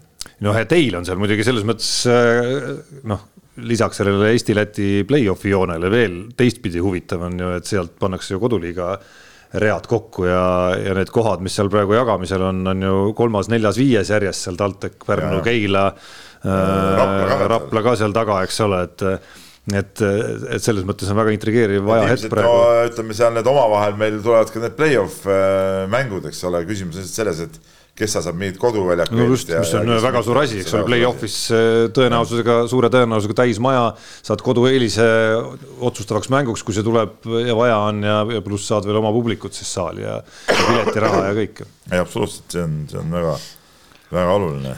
publik on see aasta tead käinud päris kõvasti rohkem kui eelmine aasta, see on nagu positiivne, kui räägime Eesti korvpallist. nii, aga lähme kirjade rubriigi juures ka kohe Eesti korvpalliga edasi ja või noh, see ei ole otseselt Eesti korvpalliga, küsimus on lihtsalt siis selline Andreselt, et ähm, ei saa aru, miks võivad korvpalliklubid hooaja vältel mängijaid müüa-osta. miks see nii on, mehi peaks olema ju piisavalt satsis, et hooaeg ära kesta. mõistlik oleks nagu jalgpallis, et poole hooaja pealt avatakse üleminekuaken, kus saab teha täiendusi hooaja jooksul vastavalt vajadusele satsi täiendades annab rikkamatele klubidele eelise väiksemate ees ja, ja Andres veel kiidab äh, meie saadet, kuulab seda juba aastaid ja, ja käsib, et äh, käsib panna samamoodi edasi. Ja loodetavasti kestab veel aastaid, no küll ta kestab. aga ma ütlen sedasi, ma olen Andresega jumala ühel meelel, ma olen jumala ühel meelel. ma olen ka täitsa nõus. ehk siis, et võiks mingi aken olla äh,. Äh, jah, et ütleme ja see aken võiks olla suhteliselt lühike tegelikult, et see, et mingi suvaliselt Äh, suvalisel hetkel vendi liigutatakse sinna-tänna, täielik jama minu arust. noh, äärmus ja, on ja, ju. ja see minu üldse, mis on minu ideaalpilt, ongi see, et sa võtad võistkonna, sa komplekteerid hooajal ära ja sa mängidki selle hooaja selle võistkonnaga, kelle sa oled komplekteerinud. isegi see, see akna asi on sihuke nagu nii ja naa. et kui sa oled kehvasti komplekteerinud, siis nii on, ei ole nii, et sa saadad ära, võtad mingid uued, noh et, et, et, et see võiks täitsa vabalt nii olla, et seda ei olegi või okei okay,, teine variant ongi Äh, on see üks aken ja seal akna sees sa saad teha siis äh, mingid vahetused. aga mitte nii, et sa suvalisel hetkel saadad, suvalisel hetkel tood. tihtipeale võistkondades on niimoodi, et, et äh, alustad ühe võistkonnaga, lõpetad hoopis teistsuguse võistkonnaga, no mis, mis hooaeg see siis on või mis võistkond see on, sa pead, see võistkond peab olema see, et sa hakkad nendega pihta seal suve lõpus, sa teed ettevalmistuse, võistkond saab kokku, sa mängid ja mängid kevadeni välja siis. no ei, minu, mulle see süsteem väga-väga-väga meeldiks tegelikult. no eks see ei ja ole. sportlik ka arust. ja no eks see ei ole ka muidugi tulemuse mõttes mingi eriline ideaalvariant, et sa muudkui vahetad täismahus võistkonna välja, et noh, sellel on negatiivsed tagajärjed no,. Riia Sellil sellele... näiteks on kakskümmend üks mängijat juba ja nendest kuus on võistkonnast lahkunud. noh, Kalev on siin ajal, väike Kalev on ajalooliselt no, siin olnud, teinud siin mingeid rekordeid hooaegade jooksul, mitu legionäri läbi on käinud näiteks on ju. et ega see meeskonna mängule lõppkokkuvõttes ka kuidagimoodi kasuks kasuks äh, ju kokkuvõttes ei tule. mind see nagu liiga palju otseselt häirima ei ole jäänud, küll aga minu arust on mingites kohtades ikka päris äärmusesse ju mindud. et noh, kui sa võtad Euroliiga näiteks, eriti mis puudutab äh, kes veel, vigast, sa võtad lühikeseks ajaks mingi mängija. ei, ma ütlen, mis puudutab veel neid mängijaid, kes äh, on teises Euroliiga klubis, et siis need on suhteliselt kõvasti ja üsna rangelt isegi piiratud, kuidas need saavad Euroliiga sees liikuda ühest klubist teise. aga mingi teine äärmus on siis see, et äh, meil endalgi on ju mängumehi, Kristjan Kangur kunagi, Henri Trell eelmisel hooajal, kes on liitunud siis kas Prantsusmaal või, või Itaalias näiteks klubidega ka kuskil seal maikuus nagu näiteks on ju, et sul play-off kas kohe-kohe on algamas või, või ukse ees ja, ja siis teed need liigutused veel seal ära. Et noh, see tundub juba nagu, et on nagu vähe liiale läinud. ja sellega ma olen nõus, jah. aga noh, kuskil on vigastused, on ju. noh, siin on klubisid küll, kes on, on nagu ikkagi täiesti endast sõltumatult sattunud äh, noh, sattunud nagu selliste raskuste ette täiesti endast mitte oleneval süül ja, ja, ja juba selle jaoks võiks need võimalused siiski Nojah, nagu olla, et sa saad neid see on paigata. siis selle hooaja ebaõnn sul ei no aga mis sa siis teed, üheksa kuud nagu, tapad need ülejäänud mehed ka aga kõik. sa ei alusta ju hooaega viie mehega, noh, sul on seal mingi, no ma ei tea, meil oli viisteist meest näiteks nimekirjas no keegi saab vigastada, tuleb uus mees asemele, ongi kõik no aga oletame, et on kaksteist meest, noh, ja siis kolm tükki saavad raske vigastuse ja no, siis, siis, siis põhimõtteliselt sa tapad need ülejäänud üheksa ka ära. ei no vaata, siis ongi see, et noh, see oleks olla nii, et seda oma klubi noortesüsteemis saab tuua peale, noh, see on nagu teine asi, noh, see ei ole mingite uute meeste toomine, noh. kui sa vigastad, toodki alt noore peale, noh noh, jah, need alati ei kanna seda välja no. See on sinu probleem. see on, see on ju, see on sport, noh. ega no. ei pea olema nii, et, et Jaan saab vigastada, kohe palgatakse ma ei tea, mind asemele. jaa, aga noh, teisest küljest, kui sa vaatad nüüd nagu fänni vaatenurgast, ütleme, see toode nimega mäng, noh, kannatab sellest, on ju, kui see, kui see, kui mingi sats vajub lihtsalt oma tasemelt nagu täiesti ära nende vigastuste pärast ja, ja ei saa võimalust ennast siis kuidagimoodi mingi no, mõistliku aja, aja jooksul aga, täiendada. aga teisalt, kas see toode, mis kogu aeg muutub, kas see on minu jaoks see toode, mida ma mida, mille poolt ma tahan olla. muide, Tarmo, Tarmo, kui mängija saab vigastada, okei okay,, siis toome teise mehe, aga ainult tõesti ja siis see vigastatud mängija peab olema eemal, vot nii, kas kuu aega või, või see mingi nii, aga et ei saa, et, et üks mängija on sitt ja saadame ta ära, võtame uue asemele, vot seda ei tohiks kindlasti. kas katseaega peaks ka ära keelama? no katseaeg on siis äh, see ütleme, hooajaeelne see periood, kui ta seal treenib, see ongi katseaeg, kontrollmängud on selle jaoks. ei no aga sa ikkagi pead mängija üles andma selleks, et ta saaks ka kontrollmängus mängida, et, et, et juba ongi, juba ongi mingi liikumine seal, näiteks. noh, see on nagunii ja naa. kuule, aga. nii, oota, lähme, lähme, lähme veel, lähme ikkagi veel edasi, no ja kiirelt ja ei no kui on, trumm on läinud, lähevad pulgad jaa, ka, et see saateaeg siin viimasel ajal juba. ja pulgad lähevad kuhu, Peep peaks teadma tahad sa sellest rääkida? mina? polgad tuleb ära remontida. nii, nii., aga äh, kirjutati siis sellest, et ma käisin siin äh, rääkimas Kuku raadio olümpiaraadios juttu ja, ja seal äh, tänapäeva spordiajakirjandusest ja nende pealiskaudsusest oli meil juttu Ott äh, Järvelaga ja ütleb, et see on muidugi tavaline plaat, äh, aga paraku äh, kohe, kui inimene seda raadiot kuulas ja, ja luges mingit artiklit, siis sai äh, sai sealt oma, oma veendumust, mis artikkel oli siis jäetud uurimata ja oli kasutatud lihtsalt kuulri abi selle kokkupanemisel. Ja siis küsimus ongi siin selline, et, et kas on ka häid näiteid vastupidisusest, kus noor reporter helistab, uurib, käib koos sportlasega saunas või õlut joomas ning et üritab sellega saada mingit infot, mida Google'ist ei, ei leia no.. aga seda on väheks jäänud ikkagi, Jaan, olgem ausad. oi jumal, jälle see plaat. no ongi, aga nii ongi. no ütleme, kas saunas ja õlle joomine nüüd selle ütleme siis nagu kasutegur on ka nii ja naa, et, et on ka juhtumeid, kus kus see võib-olla objektiivsusele liiga head lõppkokkuvõttes, lõppkokkuvõttes ei tee, et see, et see on see, kus tuleb ikkagi nagu ka mingisugust piiri ilmselgelt nagu hoida. mis nagu suurt pilti puudutab, siis ma ei tea, ma nagu ei oleks nii äh,, ei oleks tegelikult nagu nii, ei näeks nii dramaatilistes värvides seda ja sellel põhjusel, et noh, mida me nagu üldise suunana näeme. see ei ole ainult meil, on ikkagi see, et selline äh, kuidas öelda, klikijaht või selline nagu page view'de jaht või selline üksikute säravate nupukeste tootmine, ühikute tootmine, see ikkagi ka strateegilises mõttes nii meil kui ka mujal maailmas nagu meediasihikuna selgelt on muutumas ja muutunud teisejärguliseks. ehk siis esmafookus on selles, et luua oma kasutajaga püsisuhe, saada nad tellijaks, hoida neid tellijana ja selle jaoks on sul eelkõige no ütleme siis noh toome suvalise näite mehest, kellest me oleme rääkinud siin saates juba, kuulab meid ka kindlasti, Eigo Kaljurand on palju mõistlikum, et ta kulutab oma seda tööaega noh, näiteks mingite meistriliiga või ülemineku hindamistele selleks, et kõnetada neid konkreetse valdkonna huvilisi no, kui, aga... kui sellele kui sellele, et, et tooda nüüd sellesama, ma ei tea, viie tunniga kümme mingisugust mõttetut nuppu. nüüd sa räägid hoopis teisest asjast. küsimus oli praegu selles, et kas need tänapäeva nooremad ajakirjanikud, kas nendel on piisavalt kontakte ja infot, et teha mingeid äh, asju, kas nad räägivad piisavalt palju inimestega läbi, et ka anda neid hinnanguid ja, ja panna hindeid. on, nagu nüüd. ja see on ilmselgelt selgelt allakäigul. no tähendab, Tarmo, ma ei üldistaks siin nagu niivõrd päris, aga aga ma arvan, aga on erinevaid näiteid, olen lugenud oma, ise lugejana, ilmselgelt olen lugenud nagu, kus ma lugejana saan aru juba, et on väga erineval tasemel see, kui palju inimene on nagu päriselt ma ei tea, suhelnud, tunneb selle ala peensusi, absoluutselt on erinevaid näiteid. oota, Tarmo, tegelikult on asi see, et, et äh, olen, sorry, oota ma korra segan veel. Olen ka ise ja oleme kõik ilmselt äh, nooremas põlves ka üsna asjatundmatuid äh, kommentaare ja artikleid kirjutanud. Ärme nüüd maali endast mingisugust inglit siin. oota, me räägime, kui ta kirjas oli, et kontakt sportlasega ja, ja mäletad, omal ajal me praktiliselt ühtegi pikemat lugu ei teinud, see on äärmisel juhul, ei teinud telefoni teel ju. Me käisime alati kohal ja mul on kümneid ja kümneid ja veel kord kümneid näiteid, kuidas saada infot, kuidas saada äh, huvitavaid äh, lugusid, just see, kui minnakse, ma mäletan, ükskord oli, oli Kanteriga vaja mingisugusel X põhjusel teha, teha intervjuu, eks. ja ta oli siis seal Kalevi staadionil, heitis seal ketast, on ju. Läksin sinna ja äh, ajame juttu, teen intervjuu ära, vaatan mingisugune hästi huvitav ketast tal seal. küsin, mis see on, aa ei, see hakatakse minu nimelist ketast tegema. Mäletan seda korda, jah jah, ja,, nii, ohoh, uudis kõik, vend rääkis kõik ära. oli täpselt nii, mäletan, pidin äh, minema sinna äh, kehakultuuri dispanserisse kõik nii, aga mul oli veerand tundi aega, lihtsalt hüppasin kergejõustikuvallist läbi.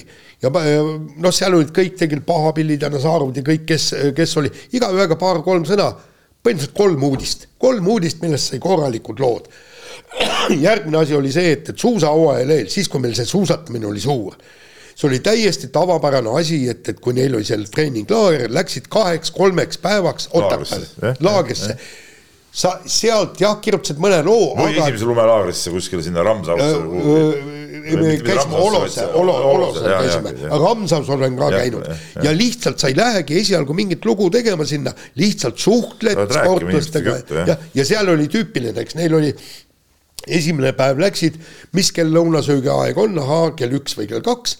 nii, ja is, olid seal Pentagonis all ja ootasid, ükshaaval tulevad söömast, tere ja teed niisugune viis minutit, räägid, et kuidas asjad on, kõik nii, uurid välja, et mis sealt võiks tulla ja, ja siis treeningute ajal räägid treeneritega, füsiodega, kõikidega niimoodi, eks, et, et sealt ammutati infot, eks, aga, aga tänapäeval kahjuks seda siiski kuigi mõned ajad muidugi on, ma tean jah, aga, aga, aga Jah. üldiselt seda tähendab no väga väheks. aga võtta vanakooli ajakirjanikku David Serpi, kui ta tegi selle olümpialoo, vaata see, et, et kes võiksid pääseda, ta paganda ju helistas kõikidele läbi, nendele sportlastele. See-, vot see on, see on see hea ajakirjaniku ere näide. kuule, aga ma kiiresti võtaks ühe saite teema ikka, saite ikka oma plaadi ikkagi nagu ma, läbi ma, kedrata ma korralikult. kiiresti võtaks ühe teema ikka veel, teadlane Priidik, meie vana ajakirjasaatja on kirjutanud sellist asja, et et millise spordiala tegelikkuse ja selle ala funktsionääride jutu vahel valitseb kõige suurem kuristik ning miks on äh, selleks jalgpall. Mis on sellise suuremaks äh, rääkimise, mis on selle suuremaks rääkimise taga, kas lihtsalt PR-ametniku soov palk välja teenida või mingi konkreetne põhjus, näiteks raha? Ei no seal on põhjus on tegelikult, kui väikest asja tahetakse suuremaks teha, on just see, et, et saada. sa, sa ei, no sa saad, ja no et, et saada toetajaid ja, ja, ja, ja absoluutselt. ja, ja, ja kusjuures me- ei no oleks ka ime, oleks ka imelik muidugi, kui oma ala esindaja käiks ja soiuks mööda eh, linna ja ilma ringi, kui kehvasti meil kõik Ei, ainult oota, on. oota poisid, ma praegu lõikan vahele hoopis teise teemaga, ma ütlesin asiotaaži, mul tuli selline asi. Ma eile hommikul, hommikuse trenni järel äh, ütlesin äh, meeskonnale, et, et, et Rakveres on meie mänguga, see karikamänguga, et asiotaaž on kõrge, ma rääkisin selle Eesti kutiga, asiotaaž on kõrge. ja poisid ei olnud kuulnud sellist sõna nagu asiotaaž. Nad pärast guugeldasid, mis see tähendab. kas see on võimalik või? no, No on, on. mõttes, sa On, ise on. kogesid seda. ei, aga, aga, aga see on, ma, kui ma oleks anšlaag öelnud neile, ma saan aru, sellest ei saa aru, asiotaaž. jah. no kui sa oleks Anschlag öelnud ja nad ei saa aru, siis oleks selles mõttes kuri olnud veel rohkem karjas, et see oleks viidanud, et nad ei kuula, nad ei ole kuulanud kõiki meie Ei, saateid asiotaaž ja on selle ja selle eest, Peep, oleks pidanud sinu kui treeneri rihmutusmasina kohe käima minema. aga asiotaaž on täiesti tavaline sõna ju. Peep, on jah, mul on perekondlikult üks inimene, kes tegeleb lastega. Ja ta räägib, kui napp on selle meeste, laste sõnavara, nad ei tea isegi kõige elementaarsemaid asju. Aga see selleks. oota, aga lähme nüüd selle Priidu, Priidu ja, ja ma taha, ma tahaks seal öelda näiteks, mis mind meeletult häirib, on see, me saame pressiteate. tuleb see, et sportlane see, see ja see sai Euroopa meistrivõistlustel tubli üheksanda koha mm. -hmm. et äh, andke andeks, las mina hindan või ma helistan sulle ja küsin, aga just sellega nagu noh, samas jälle, vot mul oli selle suusahüppajatega oli suur, suur lahing, eks mm, -hmm. et kuidas ma saan öelda, et no nad said ju kahekümnenda koha ja kuueteistkümnenda koha ja kõik nii. no las mina hindan, eks see on minu arvamus, et see on kehv koht. Aga, aga nad üritavad igalt poolt öelda, et see on tegelikult võimas, tegelikult. aga nii nagu tegelikult ju mingil hetkel vaata, kui Eesti suusatamine oli juba polnud enam nii kõva, siis olid ka suusatajate need muinasjutud ikkagi, et nüüd me tahame teha seda, teist ja kolmandat oli ju täitsa tavaline. Need olid muinasjutud, mida keegi tegelikult tõsiselt ei võtnud. no ei, absoluutselt. nii, nii, mulle, mulle, mulle, mulle lihtsalt selle, selle konkreetse jalgpallisuunalise torkega ja osava konstruktsiooniga, mille teadlane Priidik kirja sissejuhatuseks tegi. tõsi, seda erinevates sõnastustes on niisugust, seda toredat konstruktsiooni ikka kohatud. alles hiljuti üks, üks tuttav ema postitas mingi sarnase lause, et et kuulge, et beebimamad, et, et mis on teie arvates kõige nii-öelda vastikum osa lapsega askeldamisest ja miks see on just Tallinna riidesse panek? Aga, aga see selleks, mulle lihtsalt meenus sellega. Hästi värske näide, sattusin kuulama siis äh, kusjuures Keilas nädalavahetusel käies suusatamas, siis autosõiduaega oli palju. Äh, rajameistrit tahaks jälle kiita. no julgesin tulla ja võtsin südame rindu ja kuidagi pääsesin sealt ikkagi, silm ei, silma ei löödud siniseks, suusad jäid terveks, kõik no. kiiver pähe no ei, no ma selles mõttes, ega mul ongi seal pisargaas on igaks juhuks kuskil seal äh, suusarajal seal suusakotis siin selja peal ja noh, kõik mm., ega teistmoodi ei saa enam Keila linnas ja seal ma käisin ühes pagarikojas ka kusjuures seal oh,. tohoh, julgesin. selles äh, väikses, kus need äh, ja, ja, ja vastlakukleid ostsin näiteks ja, sealt ja ühe päris mõnusa maitsva saiakese ka. oled, Peep on, ma arvan, püsikunde seal, seal.. ei, ma ei ole päris püsikunde, aga seal on muuseas välismaisest, välismaalasest äh, pagar on seal. ühesõnaga, ma tahtsin jõuda sinna, et siis ma kuulasin äh, ühte jalgpalli podcast'i Äh, kus esimesed äh, circa kümmekond minutit räägiti, kui kõva asi, kui kõva liiga ikkagi on see meie kohalik jalgpalliliiga. et millise tasemehüppe see on teinud, äh, kuidas see on kerkinud Eesti kõige kõvemaks liigaks üldse, mis meil siin on, tähelepanu ja, ja silmapaaride ja kõige poolest ja noh. see ei olnud see podcast jalgpallist, mida mina kuulan. see ilmselt ei olnud see jah. ja siis ma jäin küll kuulama ja mõtlema ja mul tuli ka see Priidiku kiri, mis tuli juba ka minu arust enne, enne eelmist nädalavahetust tuli ka meelde, ütleme nii. nii on, nii. nii, paneme saate lukku ja kuulake meid järgmine kord. mehed ei nuta. saate tõi sinuni Unibet, mängijatelt mängijatele